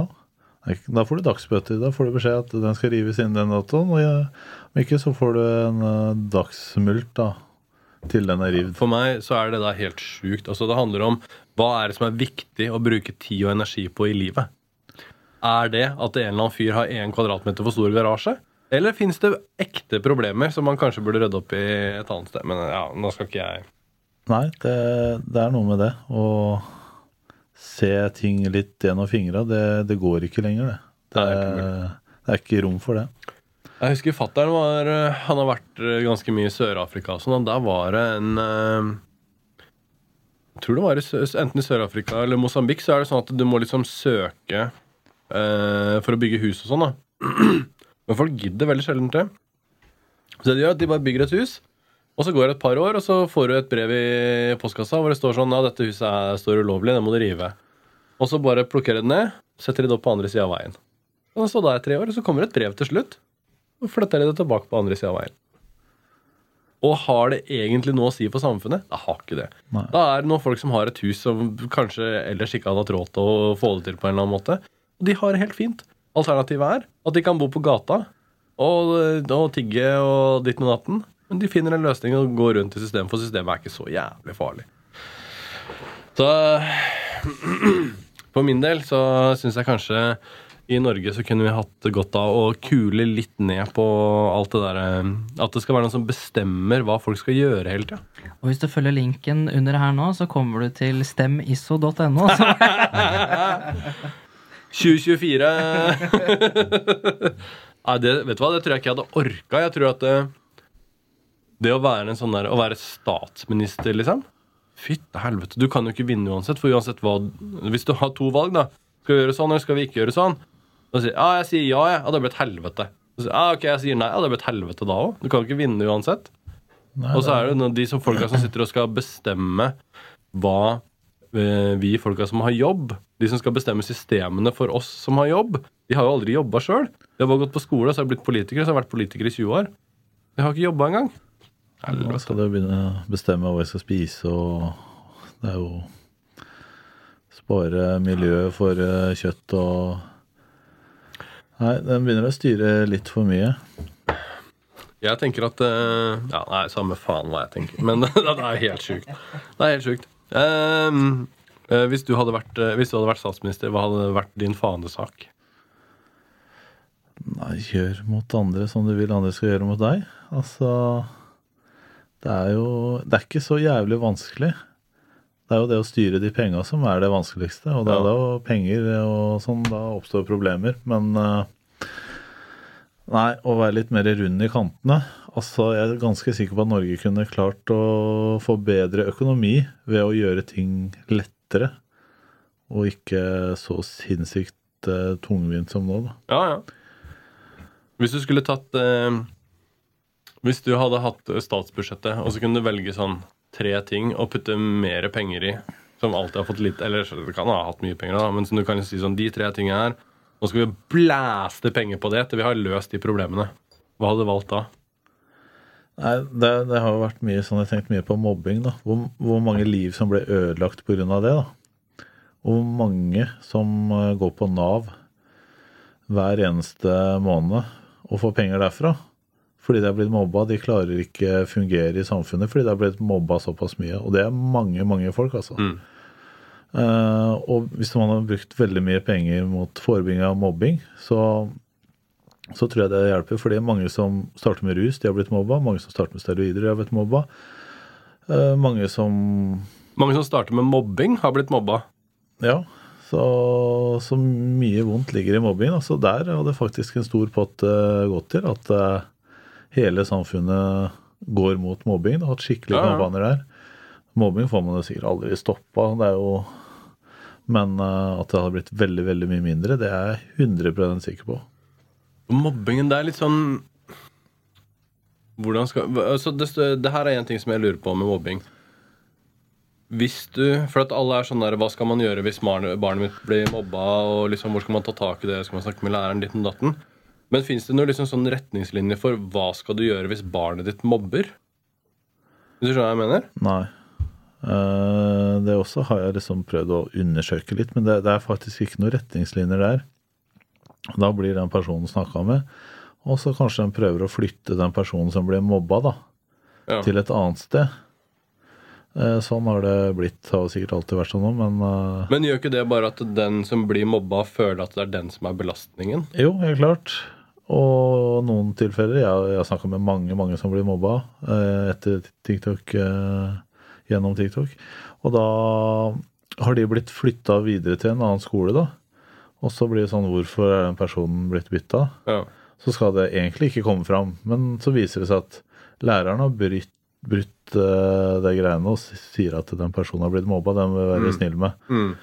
Og så er folk snille de første dagene, og så kanskje den personen er litt sjenert og sånn, da, og henger litt utenfor, og så Faen, er det for en raring? Og så, så er mobbinga i gang rimelig fort igjen. Da. Mm. Så blir det egentlig bare verre.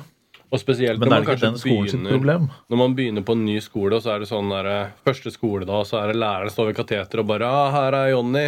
Han har blitt mobba på forrige skole, han, altså han har begynt her, så han må det være snille med.' Ikke sant? med. Bare akkurat det greiene der. Det er det verste den personen Da, kan høre. Da. da er du fucked, da. Og selv om den personen ikke hører det selv, at den andre barna får høre det dagen før, eller Ja, ja.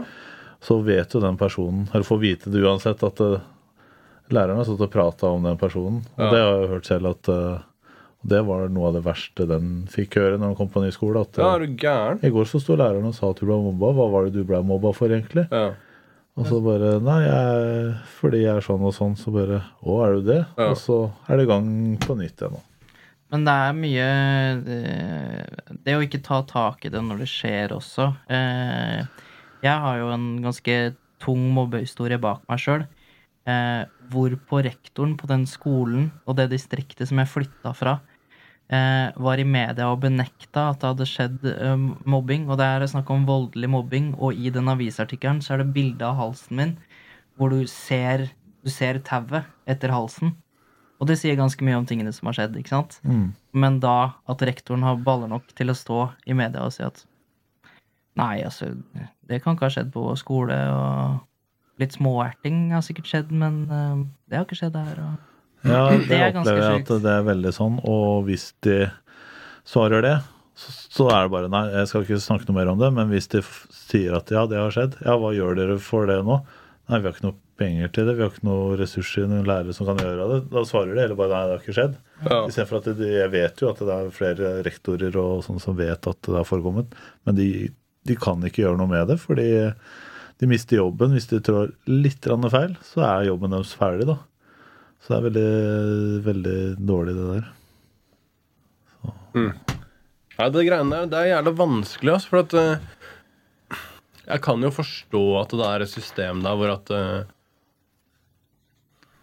Som du sier, da, hvis en rektor har uh, Har liksom kunnskap om at ting skjer som ikke burde ha skjedd, så er det to ting du kan gjøre, og det er jo de to vanlige tinga som alle mennesker eh, gjør når at de har gjort noe ikke de skal. Det er enten å ta skylda eller skylde på noen andre.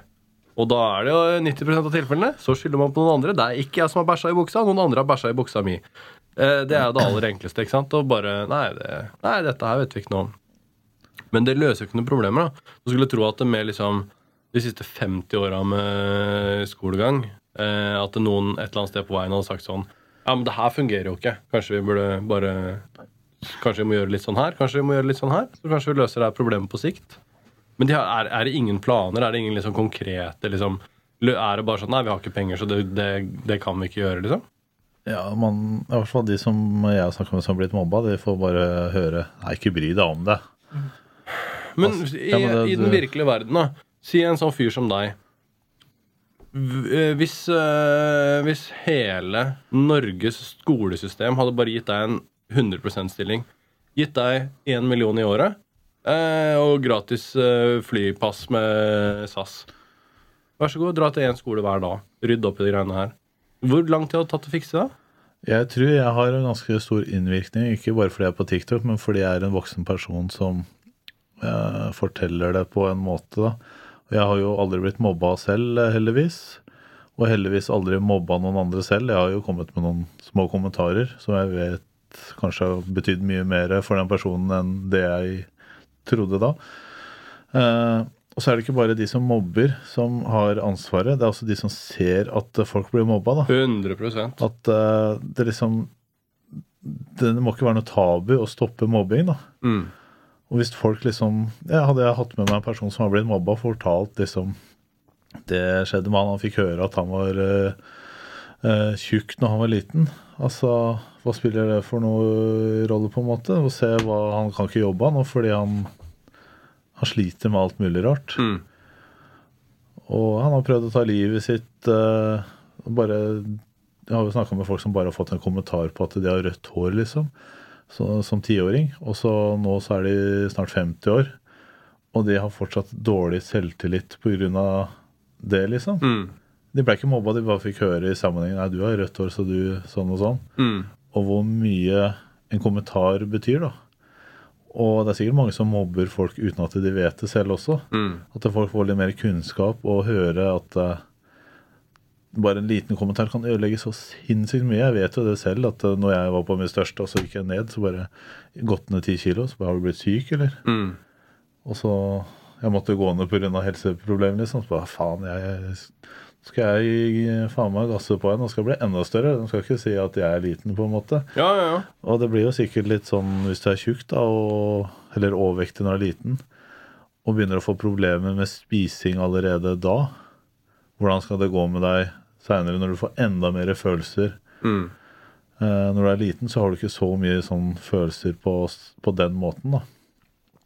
Eh, men når du virkelig flytter for deg selv og kan låse deg inne, da, og det er da det virkelig går galt med mange, da. Ja, ikke bare det, men det er jo som Sånn som du ordlegger det nå, så blir det sånn at eh, du, du legger følelser og mat i, de, i den samme kategorien. Og så begynner, og så når, når de blir liksom så connecta, så da kan man jo virkelig begynne å få et følelsesliv som er matbasert ikke sant? i alle retninger, som er veldig sånn classic eh, på en måte.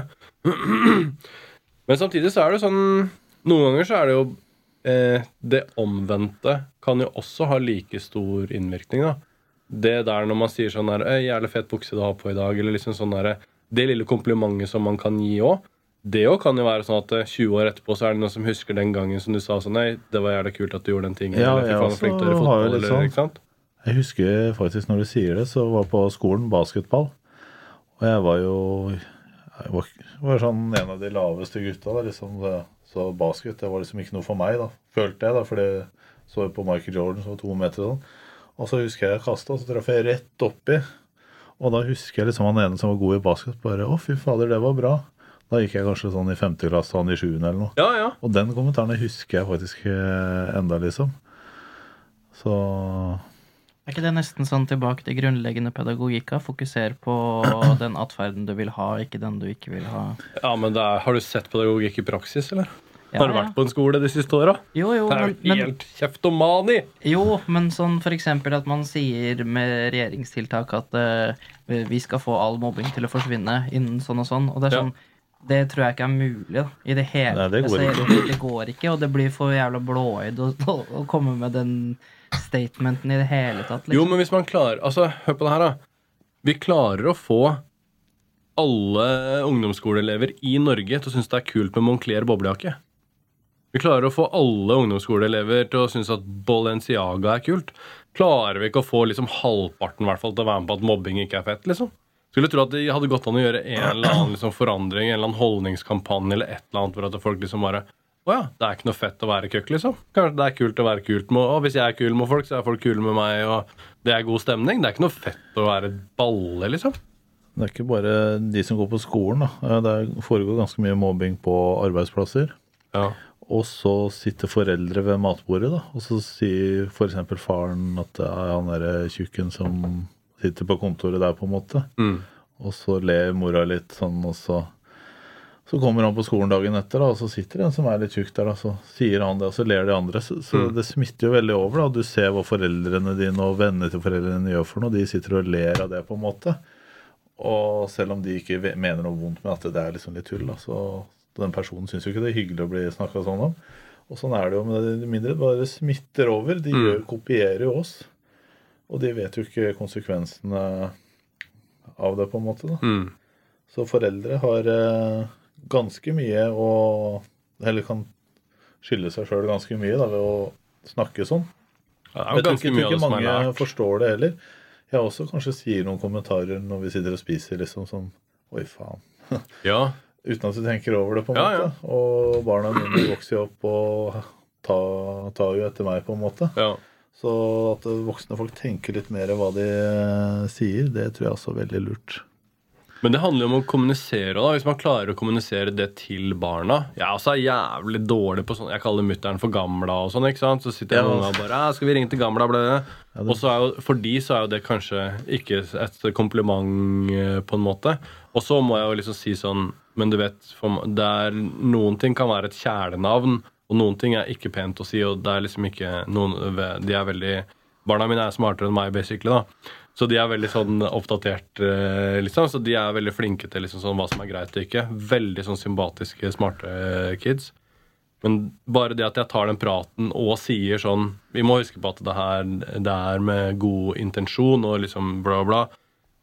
Så vet de at det er ikke greit for de å gå rundt og kalle liksom en gammel dame på, på bussen for gamla, liksom. Eller for dette er gamla. Eller, det, det går en grense der, da. Ja. Hvor at man kan liksom ha en intern dialog med sine nære, på en måte. Og Det er sånn Alle vennene mine har kallenavn. Jeg har kallenavn på alle jeg kjenner. liksom, Så eh, det er ikke nødvendigvis sånn at et navn er liksom noe stygt. Nei, nei, Men i dem sin verden så er det jo sånn Hvis du kaller noen for liksom Johnny Trebein, så er det mobbing.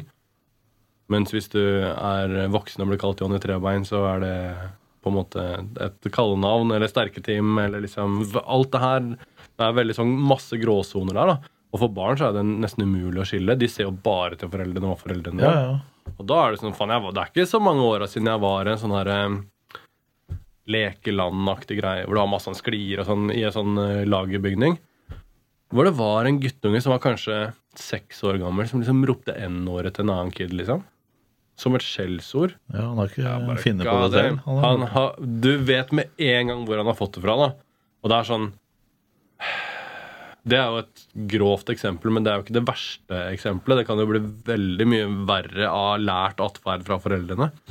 Men det er jo sånn veldig mange av de folka som eh, Ja, kanskje til og med Kanskje mange av de som mobber, også kanskje blir litt mobba hjemme, på en måte. At de ikke har den derre det er mange foreldre som at ikke de blir boosta, men at de blir liksom eh, trykka litt ned, på en måte. Jeg vet ikke, Det er en jævlig innvikla greie. altså. Det er, mange som aldri føler seg bra nok. da Som Hvis du har eh, ligget på tre i snitt, og så kommer det med fire på karakterkortet, så er det bare sånn Fy flate, nå er jeg fornøyd, nå gleder jeg meg til å vise det til foreldrene mine. Og så bare Ja, det var bra, men neste gang så skal vi satse på en eh, femmer. Ja. Så bare sånn Det er fokuset. Du får liksom ikke noe sånn der eh, Vi feirer det, og så om noen uker så kan vi kanskje Har du tenkt til å kanskje Ja. Istedenfor å få den rett i trynet, altså bare ja, ja, ja. som jeg kanskje også fikk noen ganger, at når jeg mestra ting veldig godt, så bare mente ikke de rundt meg noe vondt med det, men de sa det på en måte som jeg tolka det litt annerledes. Og bare ah, fy faen. Det er ikke noe vits at jeg eh, blir bedre i norsk, fordi jeg får bare høre at eh, jeg må bli bedre uansett. bedre uansett. Ja. Ja, eller flink pike-syndromet, da, hvis du er jævlig Sånn som min, min lillesøster har alltid vært veldig skoleflink, men hun føler nok på at det har blitt brukt veldig imot henne, for det har liksom vært hennes fremste attributt i mange år, hvis du skjønner det. Ja, Og det blir man jo jævlig lei, og, og liksom Prøver Å ja, er det, dum. er det det jeg har vært? Jeg er bare flink på skolen, jeg. Eh, Ja, ja. Ikke sant? Det blir jo et jag, det òg, ikke sant? Det er Ja. faen vanskelig uansett. Altså. Det er vanskelig uansett.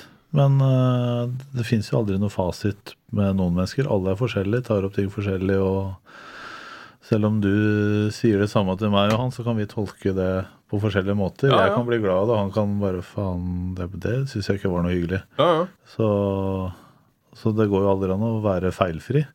Men å tilpasse det de menneskene du kjenner, da, så kan du gjøre det du kan for de rundt deg. Mm. Eh, men det er jo enkelte ting man aldri sier, da. Sånn som N-ord og sånn har jo blitt veldig strengt, på en måte. Og det er jo sånn ja det er, Hvis du er litt oppdatert uh, i timen, så er det sånn det er greit å holde seg unna. Ja. Så er det liksom det, Om man har Om man har liksom eh, noe, noe sånn eh, I én vennegjeng så kan man kødde med én type ting og liksom sånn Det er jo sånn eh, Jeg har en kompis som eh, Vi var på eh, en MC-tur til Vestlandet for et par år siden. Så kom vi begynte å nærme oss, kjørt eh, flere dager, alle var dritslitne. Fyller vi bensin, og så er det en sånn der, eh, en svær sykkel, ikke sant? Street eller et eller annet, som gjør at eh, den er jo glovarm. Når du fyller den full med bensin, så er det sånn overflow-system, for at det blir jo varmt, så det utvider seg litt. Og da renner det noe bensin ut gjennom noen greier, så det pipler ut eh, ned i bånn der, så ikke det skal bli for mye trøkk i tanken, eller et eller annet tilsvarende. Men han tror jo at dette er en oljelekkasje, ikke sant? så han ser jo bare sykkelen bare renner ut i bånn der, og bare fy faen. Og han får bare Han blir så deprimert, da. Livet er over. Det er ikke noe vits i å dra videre. Så han går og legger seg på to paller på utsida av bensinstasjonen. Og det er bare det er ikke noe vits i å dra videre. Det er over. Det er, jeg, la meg bare ligge her og dø. Eh, og det er jo eh, et øyeblikk som Det var jo kjipt for han, men etterpå eh, så har vi blitt enige om at det egentlig var gøy.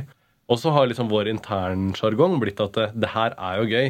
Eh, så jeg tok et bilde av han når han lå og var deprimert på pallene. Og det er sånn bakgrunnsbilde når han ringer meg, så kommer det bildet opp. liksom Og så syns vi det er gøy. Og han syns det er gøy på ekte. Ja. Men det er jo egentlig en ting fra en situasjon som var jævlig kjip, men fordi at vi sammen kom igjennom den situasjonen, fant løsningen, kom oss videre og fikk gjennomført turen, og livet gikk videre, så blei det på en måte en bra ting, da.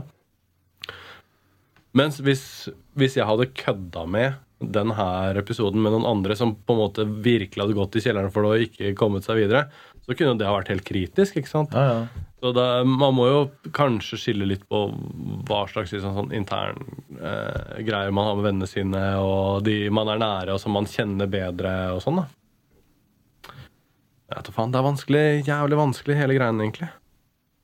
Det skulle vært bare sånn én løsning. Det, det her fungerer for menneskeheten. Gjør sånn. ja. Eh, skal vi, vi, må, vi må begynne på noen spørsmål, for jeg har, jeg har helt seriøst ikke begynt Jeg har gjort to spørsmål. Ja, faen. Ja, for det uh, ja, Nå kommer jeg ikke bort fra det mobbegreiene allikevel, da, for det er en ting som jeg hørte for litt siden, som er sånn Før, hvis du ble mobba på skolen, så kunne du bare dra hjem fra skolen, og så ble du ikke mobba. Men nå, når du har iPhone 6 og det greiene der, så da stopper jo aldri det. Det er jo noe som er med deg liksom 24 timer i døgnet. Er liksom det tek, den, den måte tekniske problemstillinga, er det noe som man kan bruke i en løsning på det her mobbe, mobbeproblematikken, liksom? Sånn jeg har tolka det, så har det blitt verre. Ja, det er det jeg mener. at Det, det blir jo bare vanskeligere og vanskeligere med alt det datagreiene. For du vil jo bare alltid kunne bli mobba av de mobberne på Snapchat eller Ja. på TikTok og sånn. Selv om ikke du er på skolen. Før så kunne du bare Dra hjem dra hjem, og så var det over. Så jeg deg til neste dag. Ja, ja. Nå kommer du hjem, og så er du på Snapchat. Og hvis du ikke er på Snapchat, så blir du mobba for det. ja. Eh, Så da er du på Snapchat, da. Og så er det kanskje noen som har tatt et rart bilde av deg, eller ja, at du gjorde noe rart som har blitt filma. Ja, Og så begynner folk å sende det rundt, da. Og så får du vite det noen timer seinere, se hva de sendte av deg. ja, ja. Og så du blir konstant mobba, da. Du får aldri den spacen til å hvile, da. Så det er sikkert verre eh, nå, da, enn det det var eh, før. Det var jo ille før også. Altså, jeg husker jeg fikk en liten kommentar. Så gikk det et halvt år, så fikk jeg en kommentar.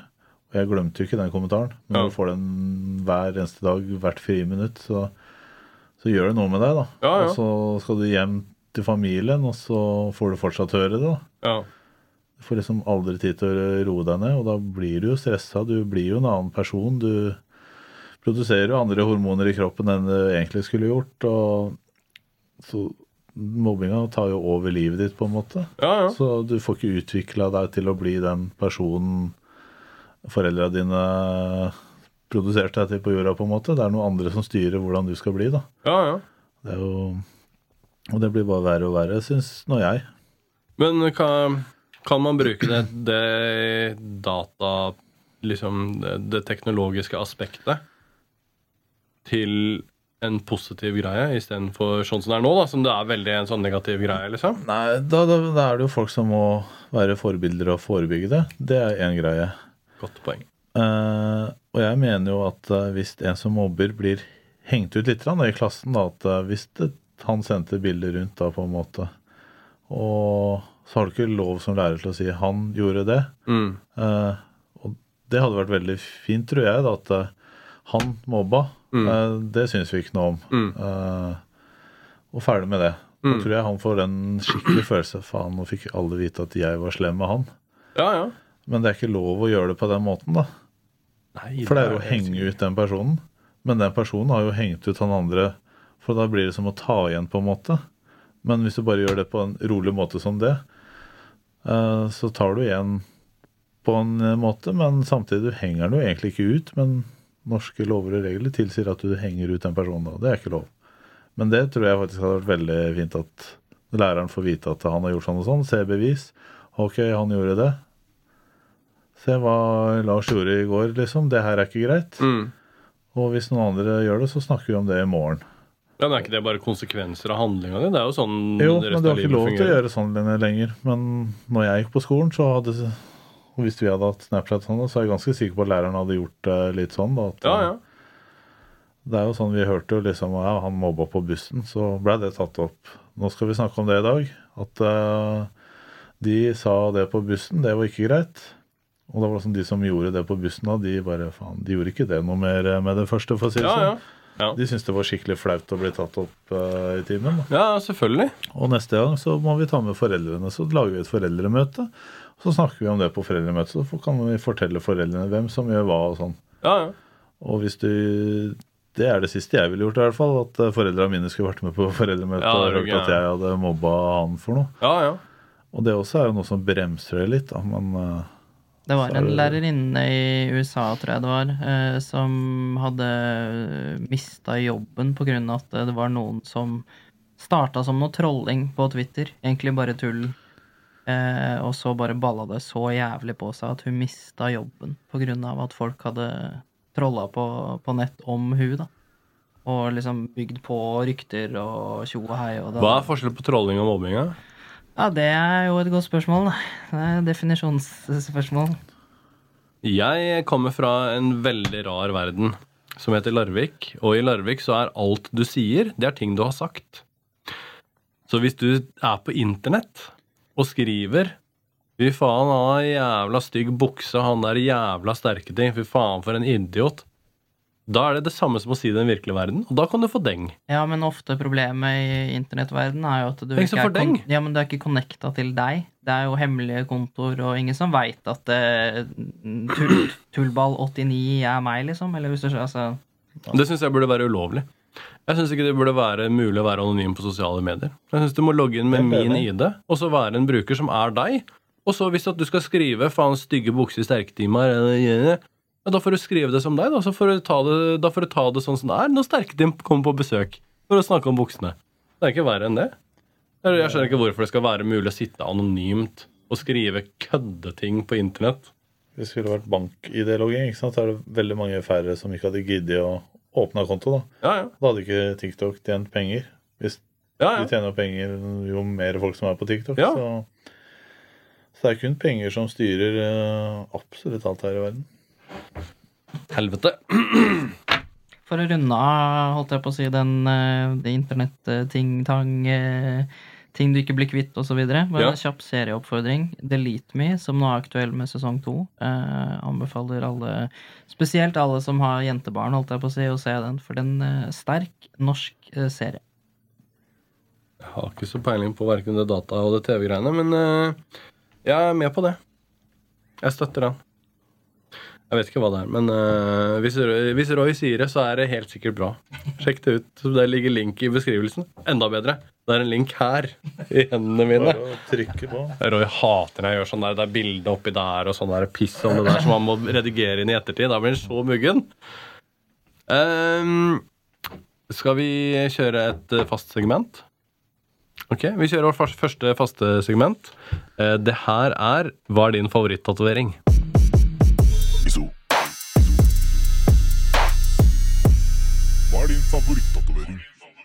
Eh, mange, mange har du?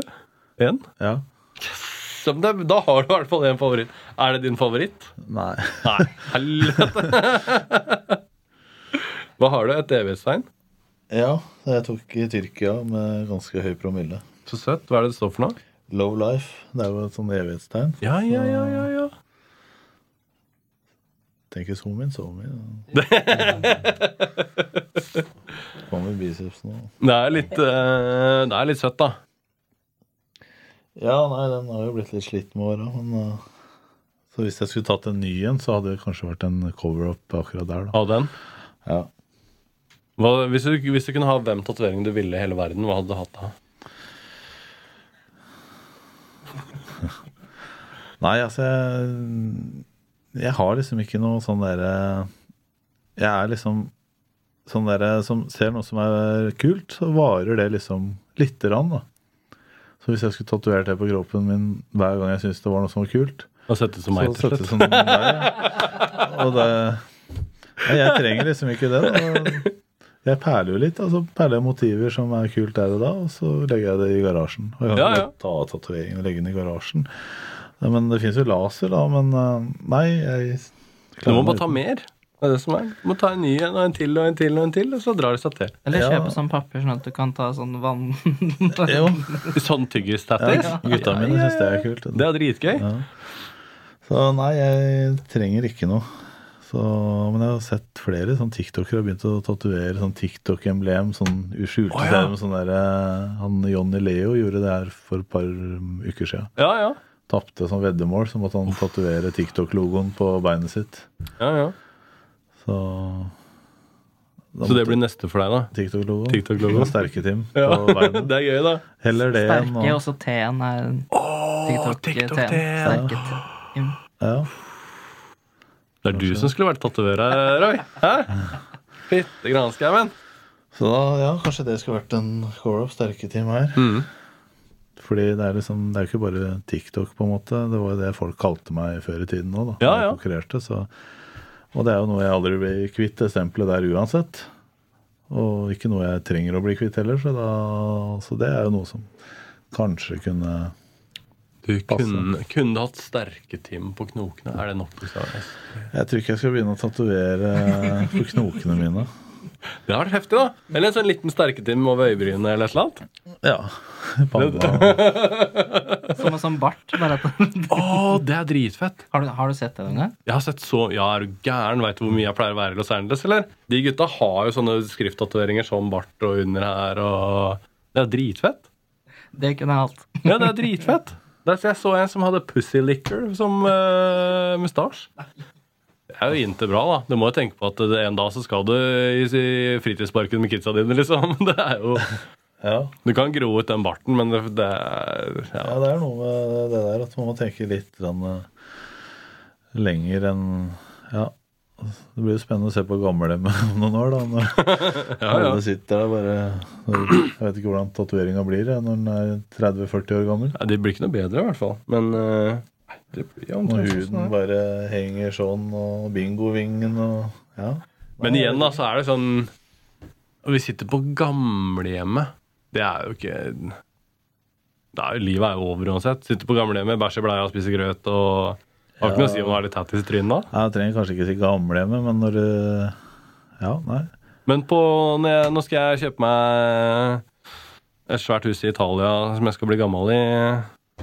Så når jeg går rundt i hagen der og klipper buskene, så har det ikke noe å si om jeg har mastatis når jeg går rundt i baris. Bortsett fra at naboene ikke prater med meg. da. Men det er jo en av de største fordelene i livet mitt, er at naboene mine ikke prater med meg. Samme her. For da slipper jeg å tenke noe på det. Får Det ikke høre naboene mine høre på nå.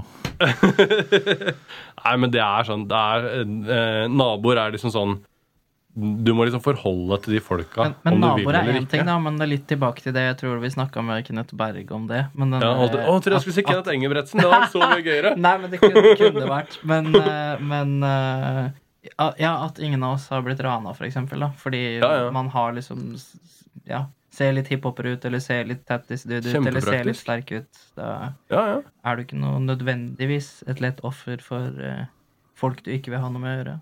I hvert fall, altså Naboene mine raner meg i hvert fall ikke. Uh, men uh, jeg har jo ikke vært i noe sånn Jeg har aldri vært i noen situasjon hvor jeg har følt at det, Oi, nå kan det hende jeg blir rana en gang. Men det er jo veldig mye sånn I California sånn, så er det nesten alltid Jo mer tattis du har, jo lenger har du sittet i fengsel. Så der er det sånn, Hvis du har sykt mye tattis, spesielt litt sånn face tats og sånn, så bare antar de at ok, han har sittet i 15 år i fengsel, så han bare vi orker, orker ikke å styre med han, liksom. Og folk der borte som er gærne, er jo på ekte gærne-gærne år, liksom. Da er, det er sånn der med revolveren med en gang og sånn. Så jeg vet da faen, jeg tror jeg slipper unna med mye tjafs, bare med hvordan man ser ut, men uh, det deiligste er å slippe de naboene, altså. Jeg bare går sånn, så blir ikke jeg rana. Ser den der love lifen der. Han, alle bare, han der er helt loco grande, han der, altså. Jævla svære love life-sliven der. Han holder vi oss unna. Ja, men det er heftig. Da, mm, min favoritt-tatovering er også den tyrkiske love life-tatoveringa. Hva er din, Roy?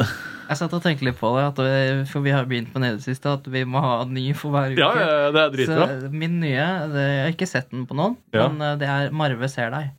Ja, jeg skjønner. Ja. Det Ja. Ja. Marve Flex. Marve Flex. Marve elsker Marve som har YLTV. Han hater podcaster med faste segmenter. Det er det verste han vet. og vi har masse faste segmenter, for det er jo så gøy. Eh, snakker om faste segmenter. Skal vi bare brenne rett videre på vårt andre faste segment? Eh, det her er Fortell om en gang du holdt på å dø. Bro,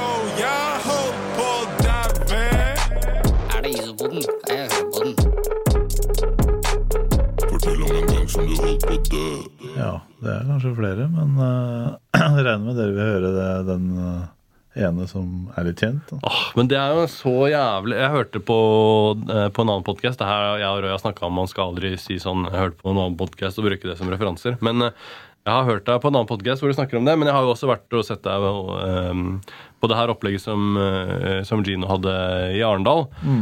Eh, og det er jo en heftig historie, da. Så det er jo kjipt at jeg kødder til introen. Og så kommer liksom din eh, historie som er sånn Når jeg hørte den i Arendal, så begynte jeg å grine, liksom. Eh, det skal jeg ikke gjøre nå, men eh, eh, Ja, eh, faen, altså. Ja, Eh, men det, det var jo ikke noe ulykke, så Så holdt på å dø. Det jeg har vel aldri vært så nær, sånn uten at jeg har vist det. Jeg har jo sikkert vært nær eh, ved å krasje og sånne ting, og det kunne sikkert gått ille da. ja, ja. Men den her sitter jo liksom litt uh, mere, da. Så det var jo etter uh, mye steroidebruk og sikkert mye sånn ja, misbruk som skjedde i barndommen, så Og så tapte veldig mye penger på litt uh, uh, investeringer. Ja, for du bestemte deg for å bare bruke liksom to-tre år på å bare jobbe, Ja. spare penger, og så investerte du pengene, og så gikk det til helvete, ikke sant? Ja. Uh, alle penga gikk til helvete, ja. Og eller ikke alle, men uh, ganske mye. Og ja, i én investering så var det nesten én million. Og for å tjene en million, så har du jo nesten 50 skatt. da. Så Mm, du tenker det skal ha en million til som staten skal ha for at du har stått på. Og pluss andre små investeringer, så, så blei det sånn der Hva faen er vitsen med å leve, på en måte? Eh, Det eneste som holdt meg igjen, var vel egentlig ungene, sånn sett, da. Og når du låser deg litt inne, så mister du litt mer venner og kontakt med omverdenen uten at du tenker over det. Og det er jo trist, det også. Eh, Du tenker kanskje ikke så mye på at det er din skyld at eh, vennene ikke kommer, men når du ikke gidder å komme på ting og sånn, så Og da føler du deg svikta på mange måter, da. Så blir du inneslutta og tenker eh, tanker. Så bare Når jeg ser tilbake på tre år med så mye jobbing, skal jeg bruke så mye tid og krefter på å tjene de pengene tilbake?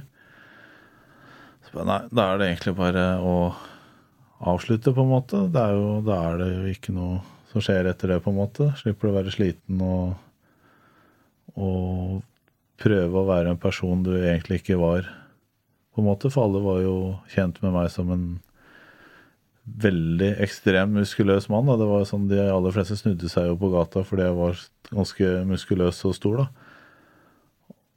Og når det liksom blir den litt tynnere utgaven som bare tjener penger, så er det ingen som snakker om det, på en måte. Det også var jo noe som bare Jeg fikk ikke den oppmerksomheten lenger, da. Så bare er det ingen som bryr seg, på en måte. Da kan jo jeg bare forsvinne. Men var det mye av oppmerksomheten du hadde fått i de åra før det her, da? Var det mye av den oppmerksomheten som gikk liksom rent på kropp og utseende og din Ja, størrelse og prestasjon, da? Jeg følte at mange ville bli venn med meg fordi jeg hadde vunnet Norges sterkeste. Jeg ja, var på en måte en litt kjent profil, da, så ja, folk ville ha med meg på fest da, og vise fra meg Norges sterkeste. Det, det husker jeg flere eksempler av, på en måte. Folk jeg kanskje ikke kjente så veldig godt, og så kom i kontakt med gjennom det der eh, Norwegian Athletic Forum som var på Facebook, var veldig stort. Så jeg var liksom Alle så opp til meg innpå der, da, på en måte, selv om jeg var veldig lite der. Så fikk jeg jo sånne falske venner, da. Og det også gir jo litt sånn selvtillitsboost, da. Men når du har vært på fest med drikke, og på søndagsmorgen så er du aleine igjen, og du hører ikke noe før kanskje det er fest om to-tre uker igjen. Og så så bare tenkte jeg nei, hva er vitsen? Og så tenkte jeg bare nå skal jeg gjøre det. Den datoen. Jeg husker jeg bestemte meg for dato, for da skulle jeg ha barna mine fra onsdag til søndag. Så skulle jeg gjøre det på den eh, mandag, natt til tirsdag. Så kjøpte jeg en tau eh, uka før ungene kom. For de hadde vel sendt meg kanskje en måned i forveien eller noe. da skulle jeg gjøre det. For jeg hadde ting jeg skulle gjøre. Jeg skulle ordne opp sånn. Jeg skulle flytte resten av pengene mine, sånn at staten ikke kunne ta de i verste fall. og At ungene mine fikk det og sånn. Og så Opprydning. Og da, bare når jeg begynte å gjøre det, så blei liksom livet sånn bare Blei det sånn mer og mer positivt. Og jeg gikk og tenkte på det, og så var det sånn når jeg så personer som bare faen, jeg skal jo aldri se dem, de skal aldri se meg igjen. Og så blei det sånn litt sånn leit, og så, men nei, det er ingen som bryr seg sånn til syvende og sist. Det blir sånn alle er lei seg til begravelsen, og så, så går livet videre, på en måte. Så kjøpte jeg jo det tauet og sånn, og så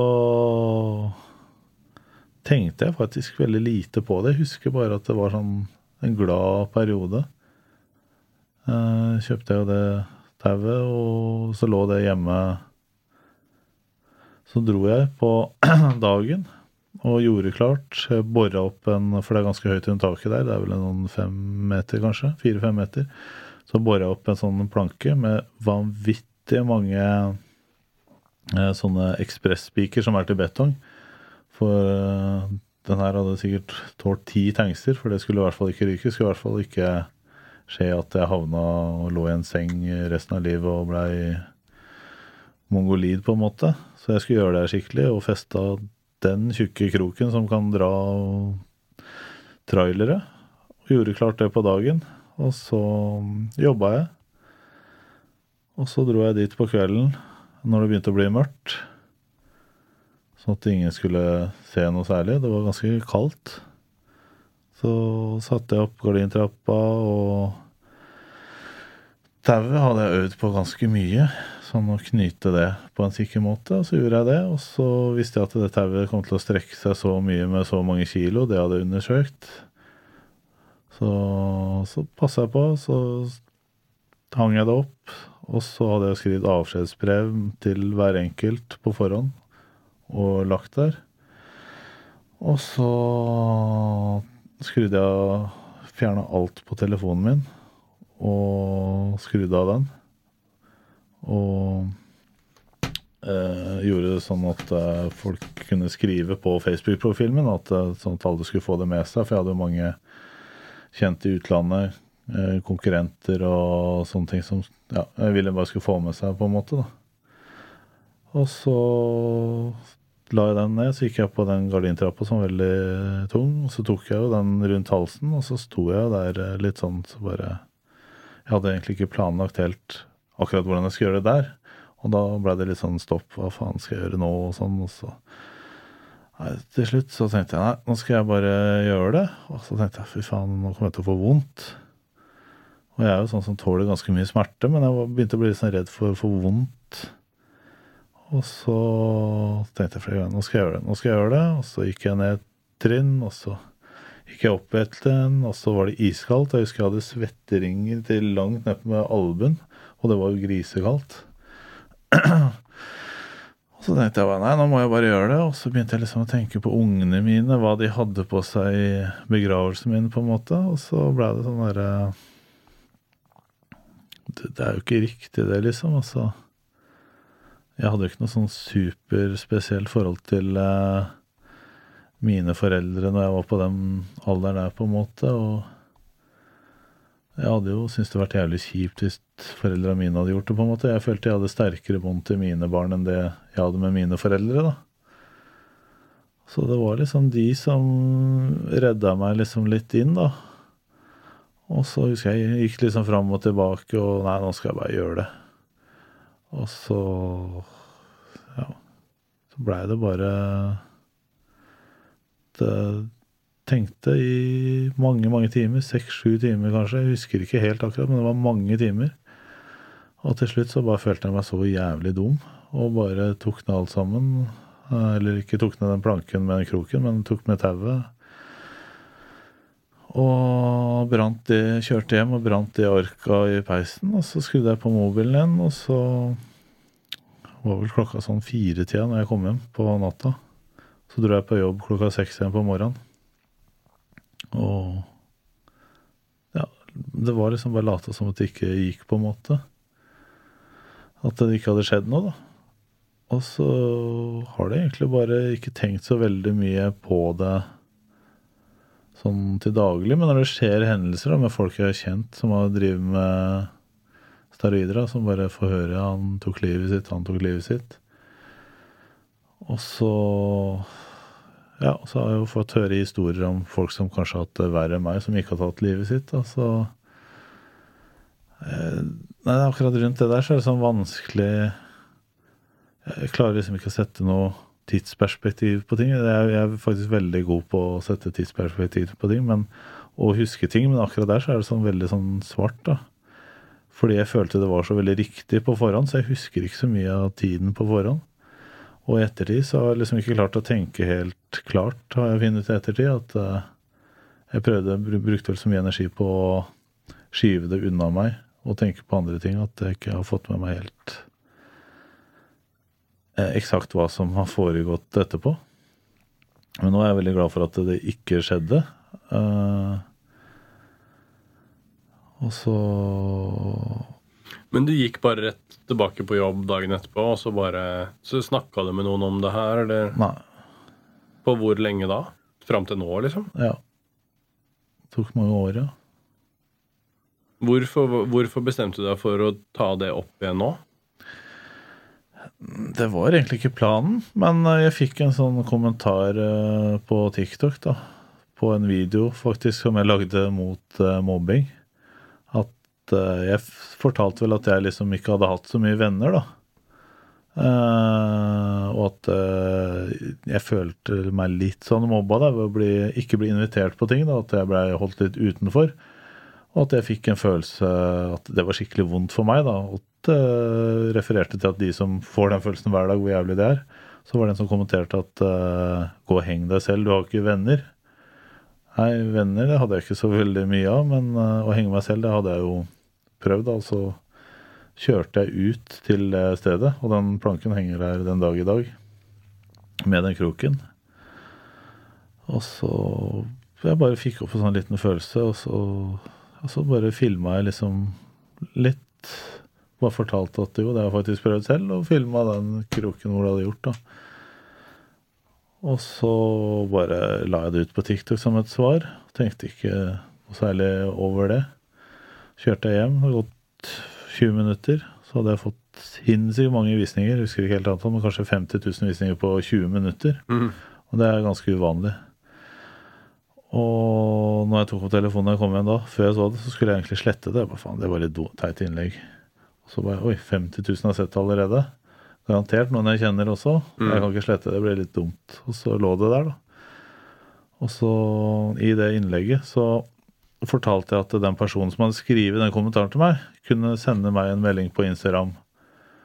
Så, for jeg skjønte jo at den personen kanskje enten var en liten drittunge eller en person som ville presse meg ned og føle seg bedre selv, da, at den ikke hadde det bra, så kunne sende meg en melding. Men det alle tolka det som, var at eh, alle kunne sende meg en melding som så det innlegget.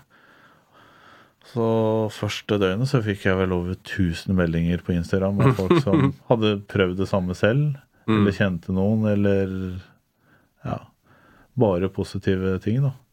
Så til, totalt sett så er jeg oppe i 3000 meldinger på Instagram nå av folk som har blitt mobba, tenkt tanken, og folk som faktisk har hengt seg og tauet har uh, ryket, eller at de har eh, tatt overdose av piller, men det funka ikke, på en måte.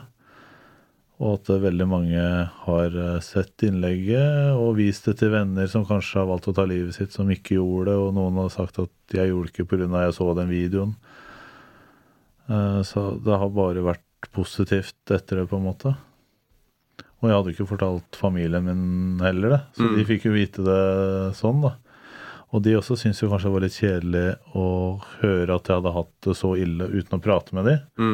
Og at jeg ikke har fortalt de det før jeg posta det på TikTok, da. Men eh, det er også kanskje grunnen til at jeg er på TikTok, at jeg får ut ting på min måte, i mitt tempo, uten å se folk i øya, da.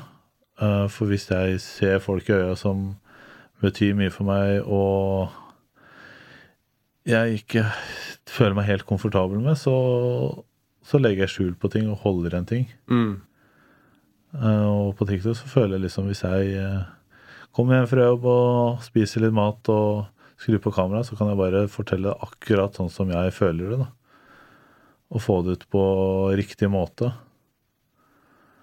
Så folk som sliter og har lyst til å fortelle ting til eh, familie, venner, samboere og sånn, og ikke så er en videosamtale kanskje veldig fint, da. Mm.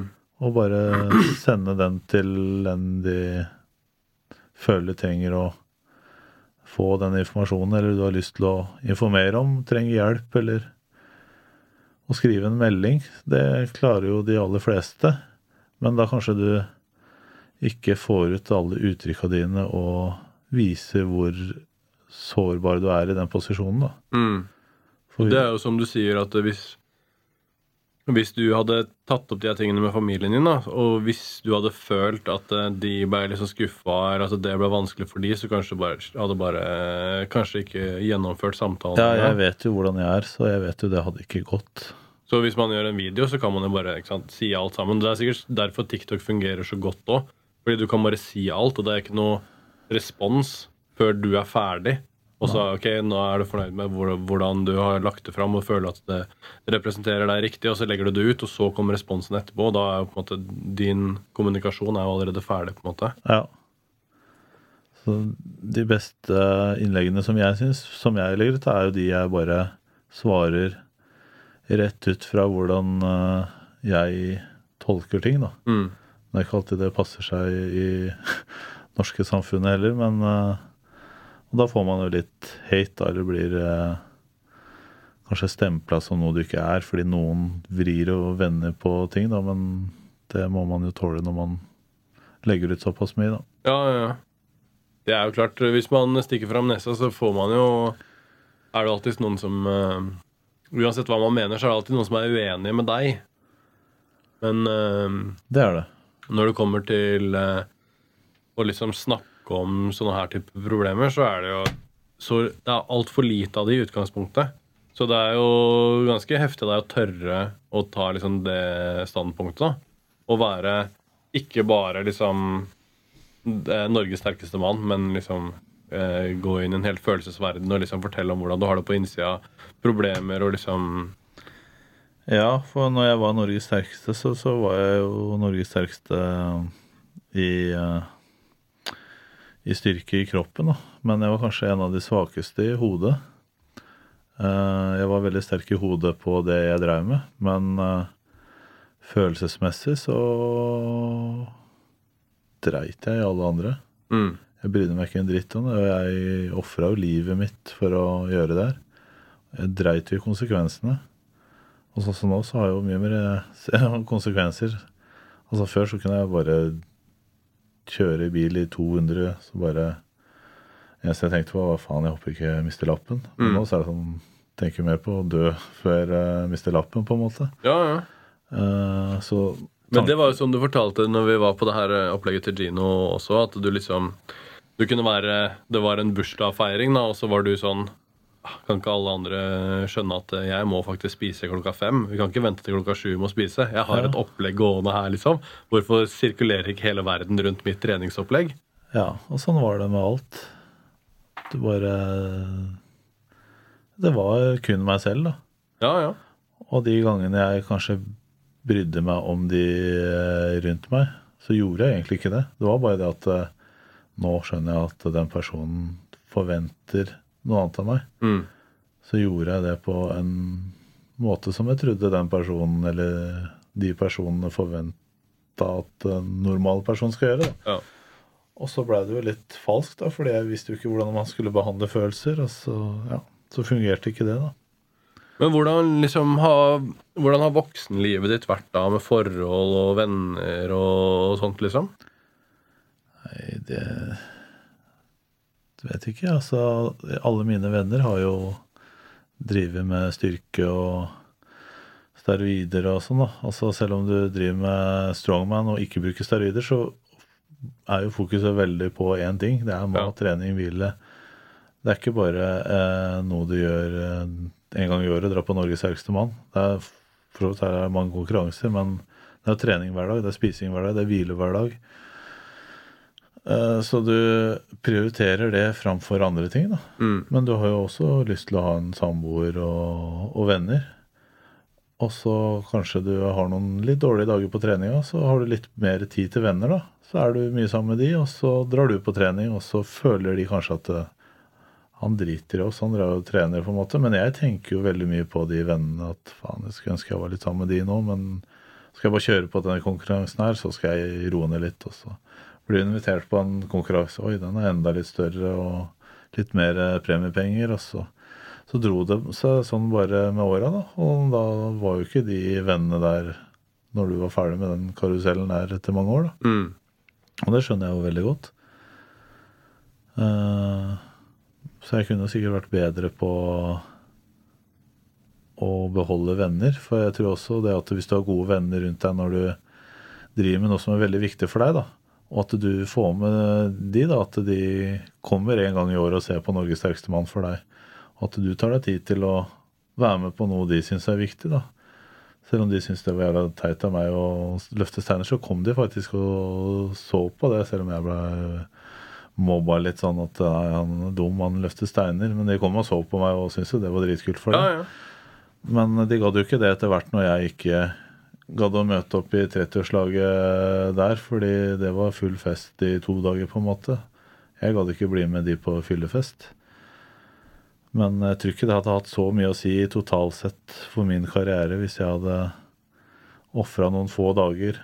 Mm. Hadde ikke trengt å drikke engang, men bare vært der og ja, drite i den ene, ene måltidet så jeg gikk glipp av. Jeg mista venner istedenfor å spise biffen min klokka sju, på en måte. Mm.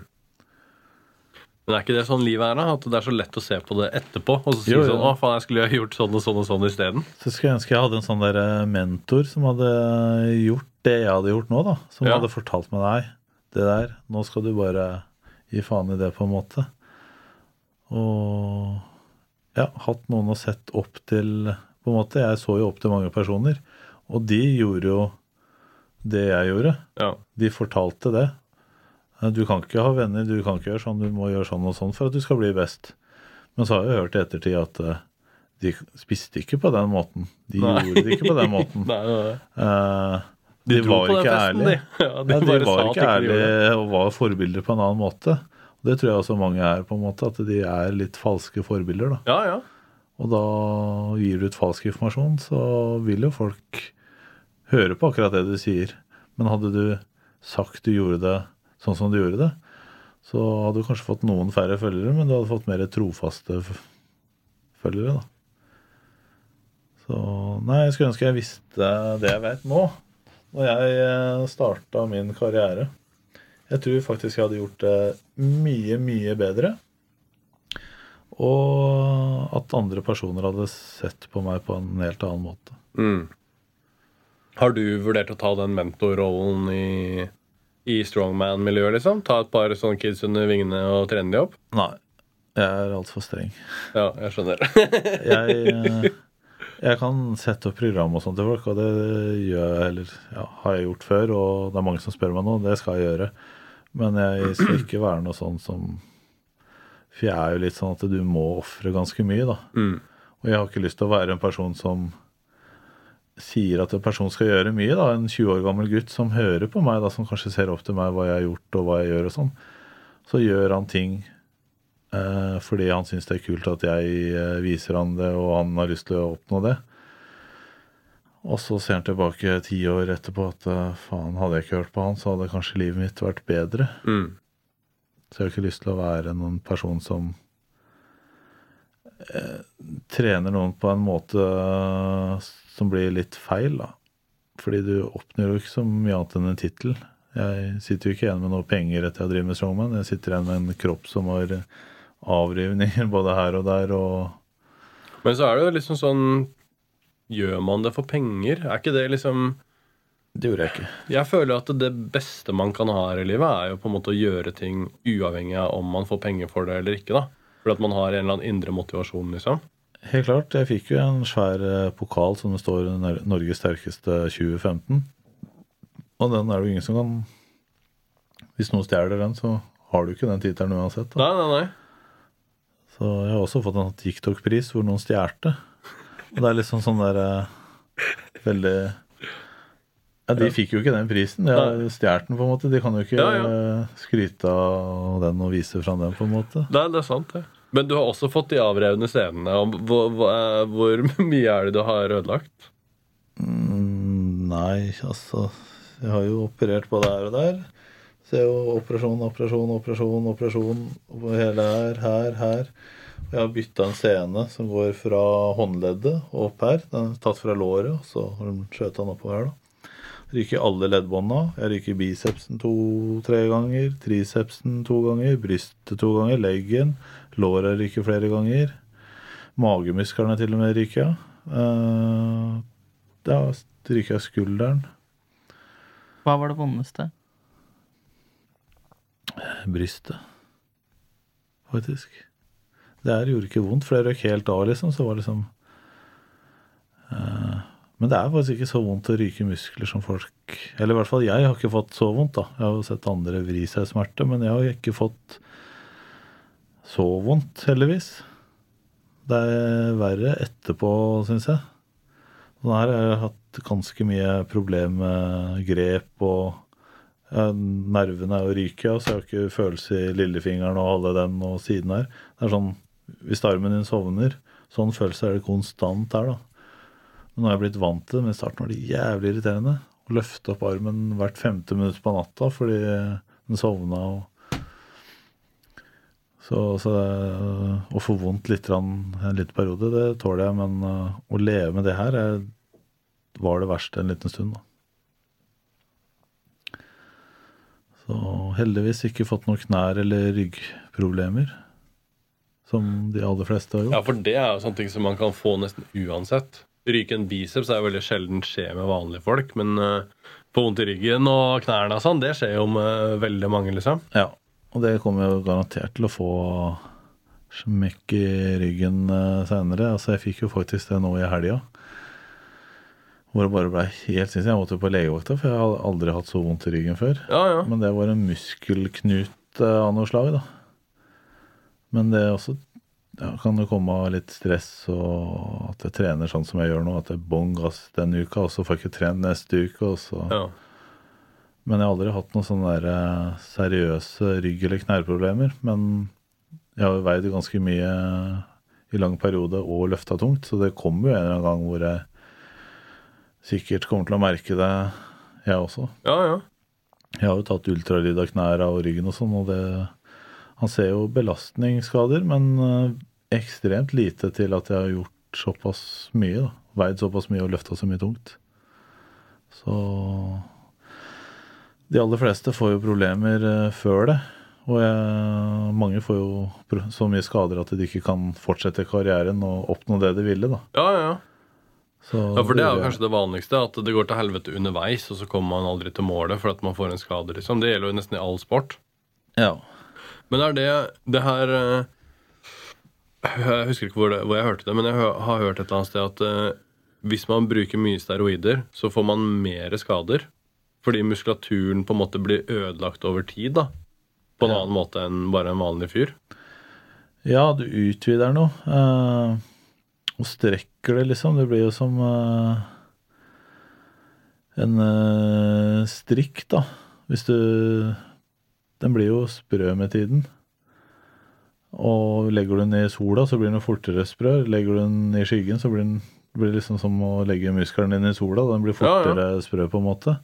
Og når den utvider seg sånn, og så krymper den sammen igjen, og utvider seg, krymper sammen igjen, så blir jo alle de fibra dratt i, på en måte. Så de blir mer sånn porøse, da. Det kommer jo mer eh, sånn som en Stratos. Den tåler jo mindre enn en rein melkesjokolade. Ja, ja.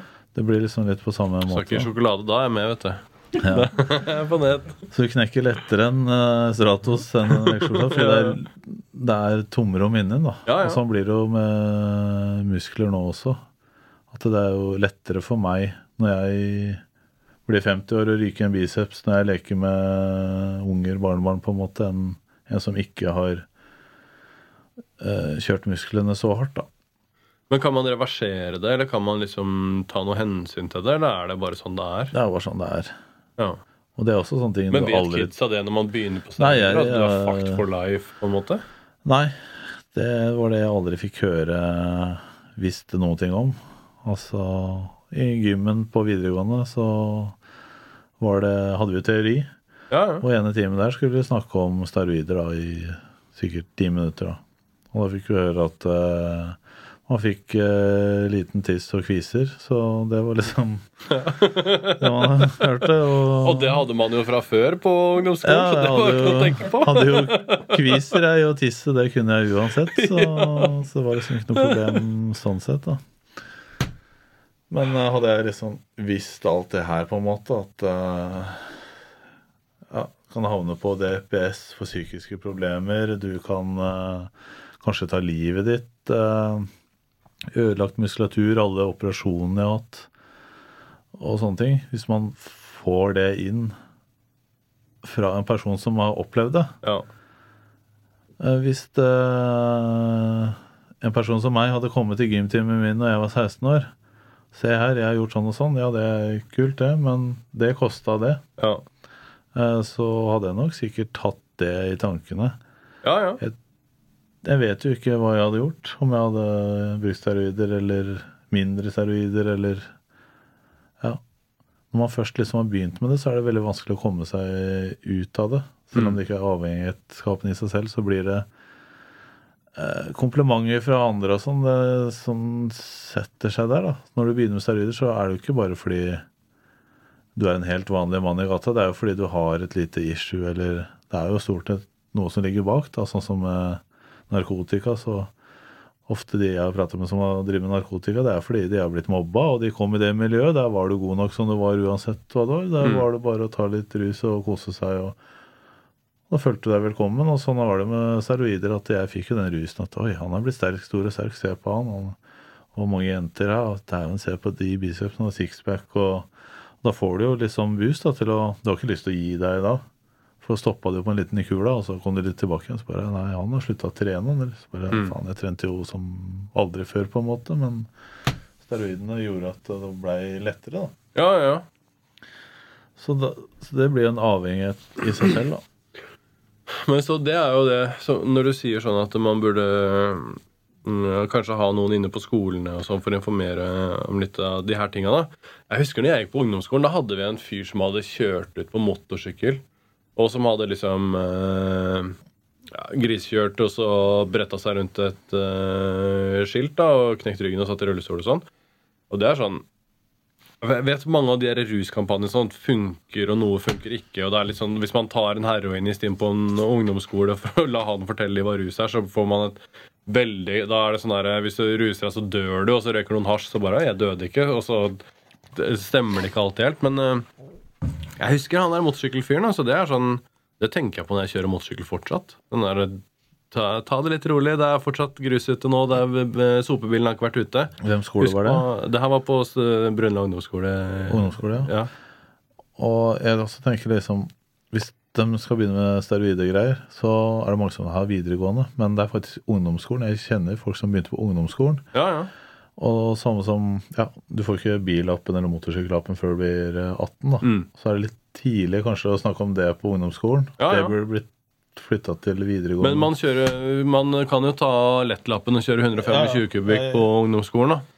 Men det er jo sånn derre Steroider det skal man prate om så seint som mulig, men det starter faktisk veldig tidlig. Mm. Og det er jo ikke bare gutter, det er jo vanvittig mange jenter. Jeg har fått melding av foreldre som har funnet astmamedisin til hester i skapet til en 13 år gammel jente, liksom. Mm.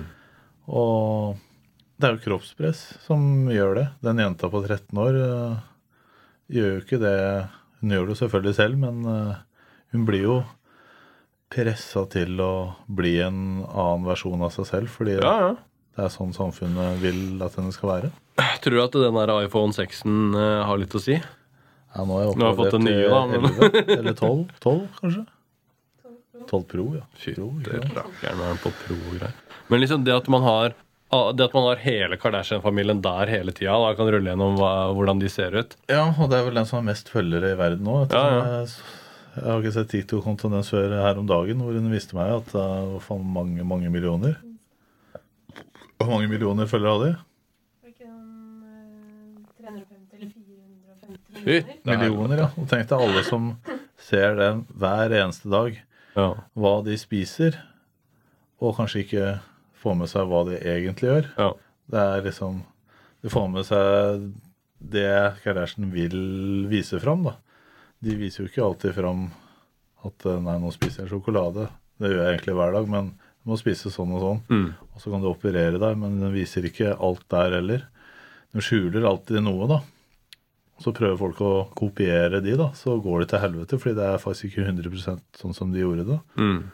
Og så har de litt sponsa innlegg hvor de har drikk denne proteinshaken, så blir du som meg, ditten og datten. ikke sant? Og så Ja, er det helt det her er jo som Abflex på TV-shop i gamle dager. ikke sant? Ja, Det er mange som har lyst til å sponse meg med proteiner, men jeg bruker ikke det. Jeg har aldri brukt noe særlig av det, på en måte. Ja, ja. Fordi du blir ikke sånn av å bruke proteiner. Du må spise mat. Faen, du kan ikke drive med sponsa noe godteri, liksom.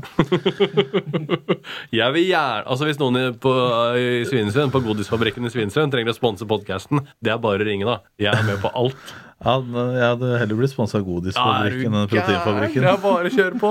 Ikke tenk på det engang. Jeg lever som jeg er sponsa av godis. Ja. Nei, det er viktig å kose seg, men uh, det er jo mye sånne falske greier. Da, at uh, ja, drikker du den hver dag etter trening? Ja, det, det er ikke derfor du ser sånn ut. Nei. Det er en liten erstatter, på en måte.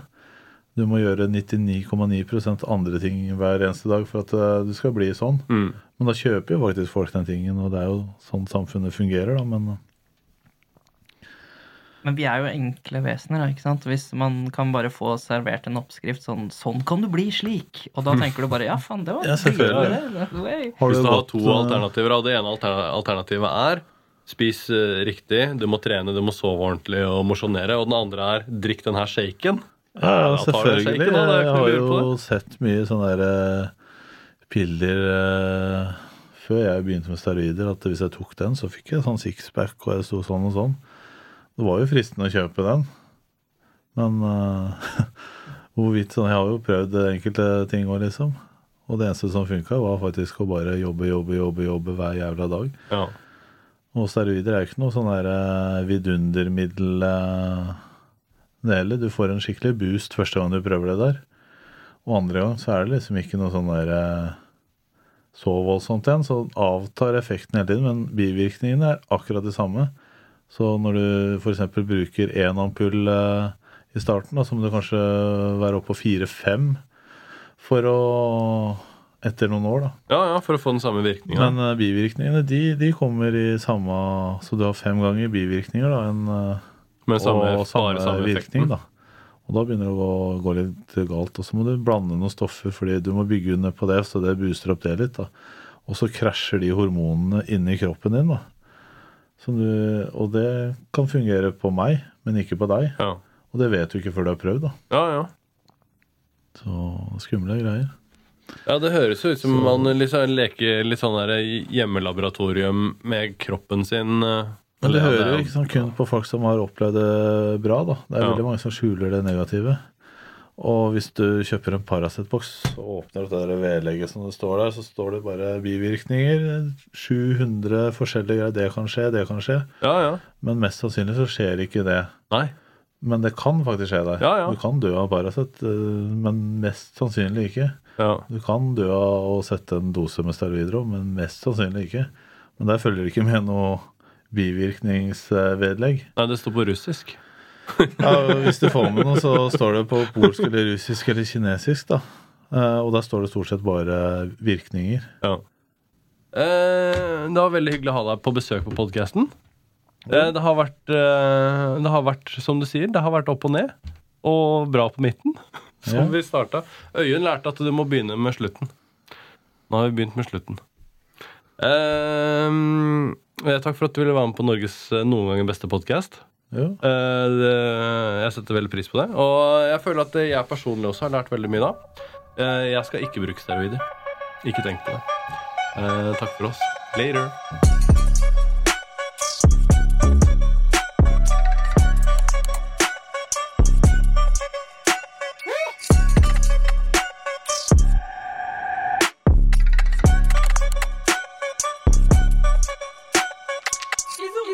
Hvor lenge har vi spilt inn, Roy? Det her må jo være er 2.14, så vi burde 2 timer og 14 minutter. burde Har vi det? å- Ja, burde begynne å runde av.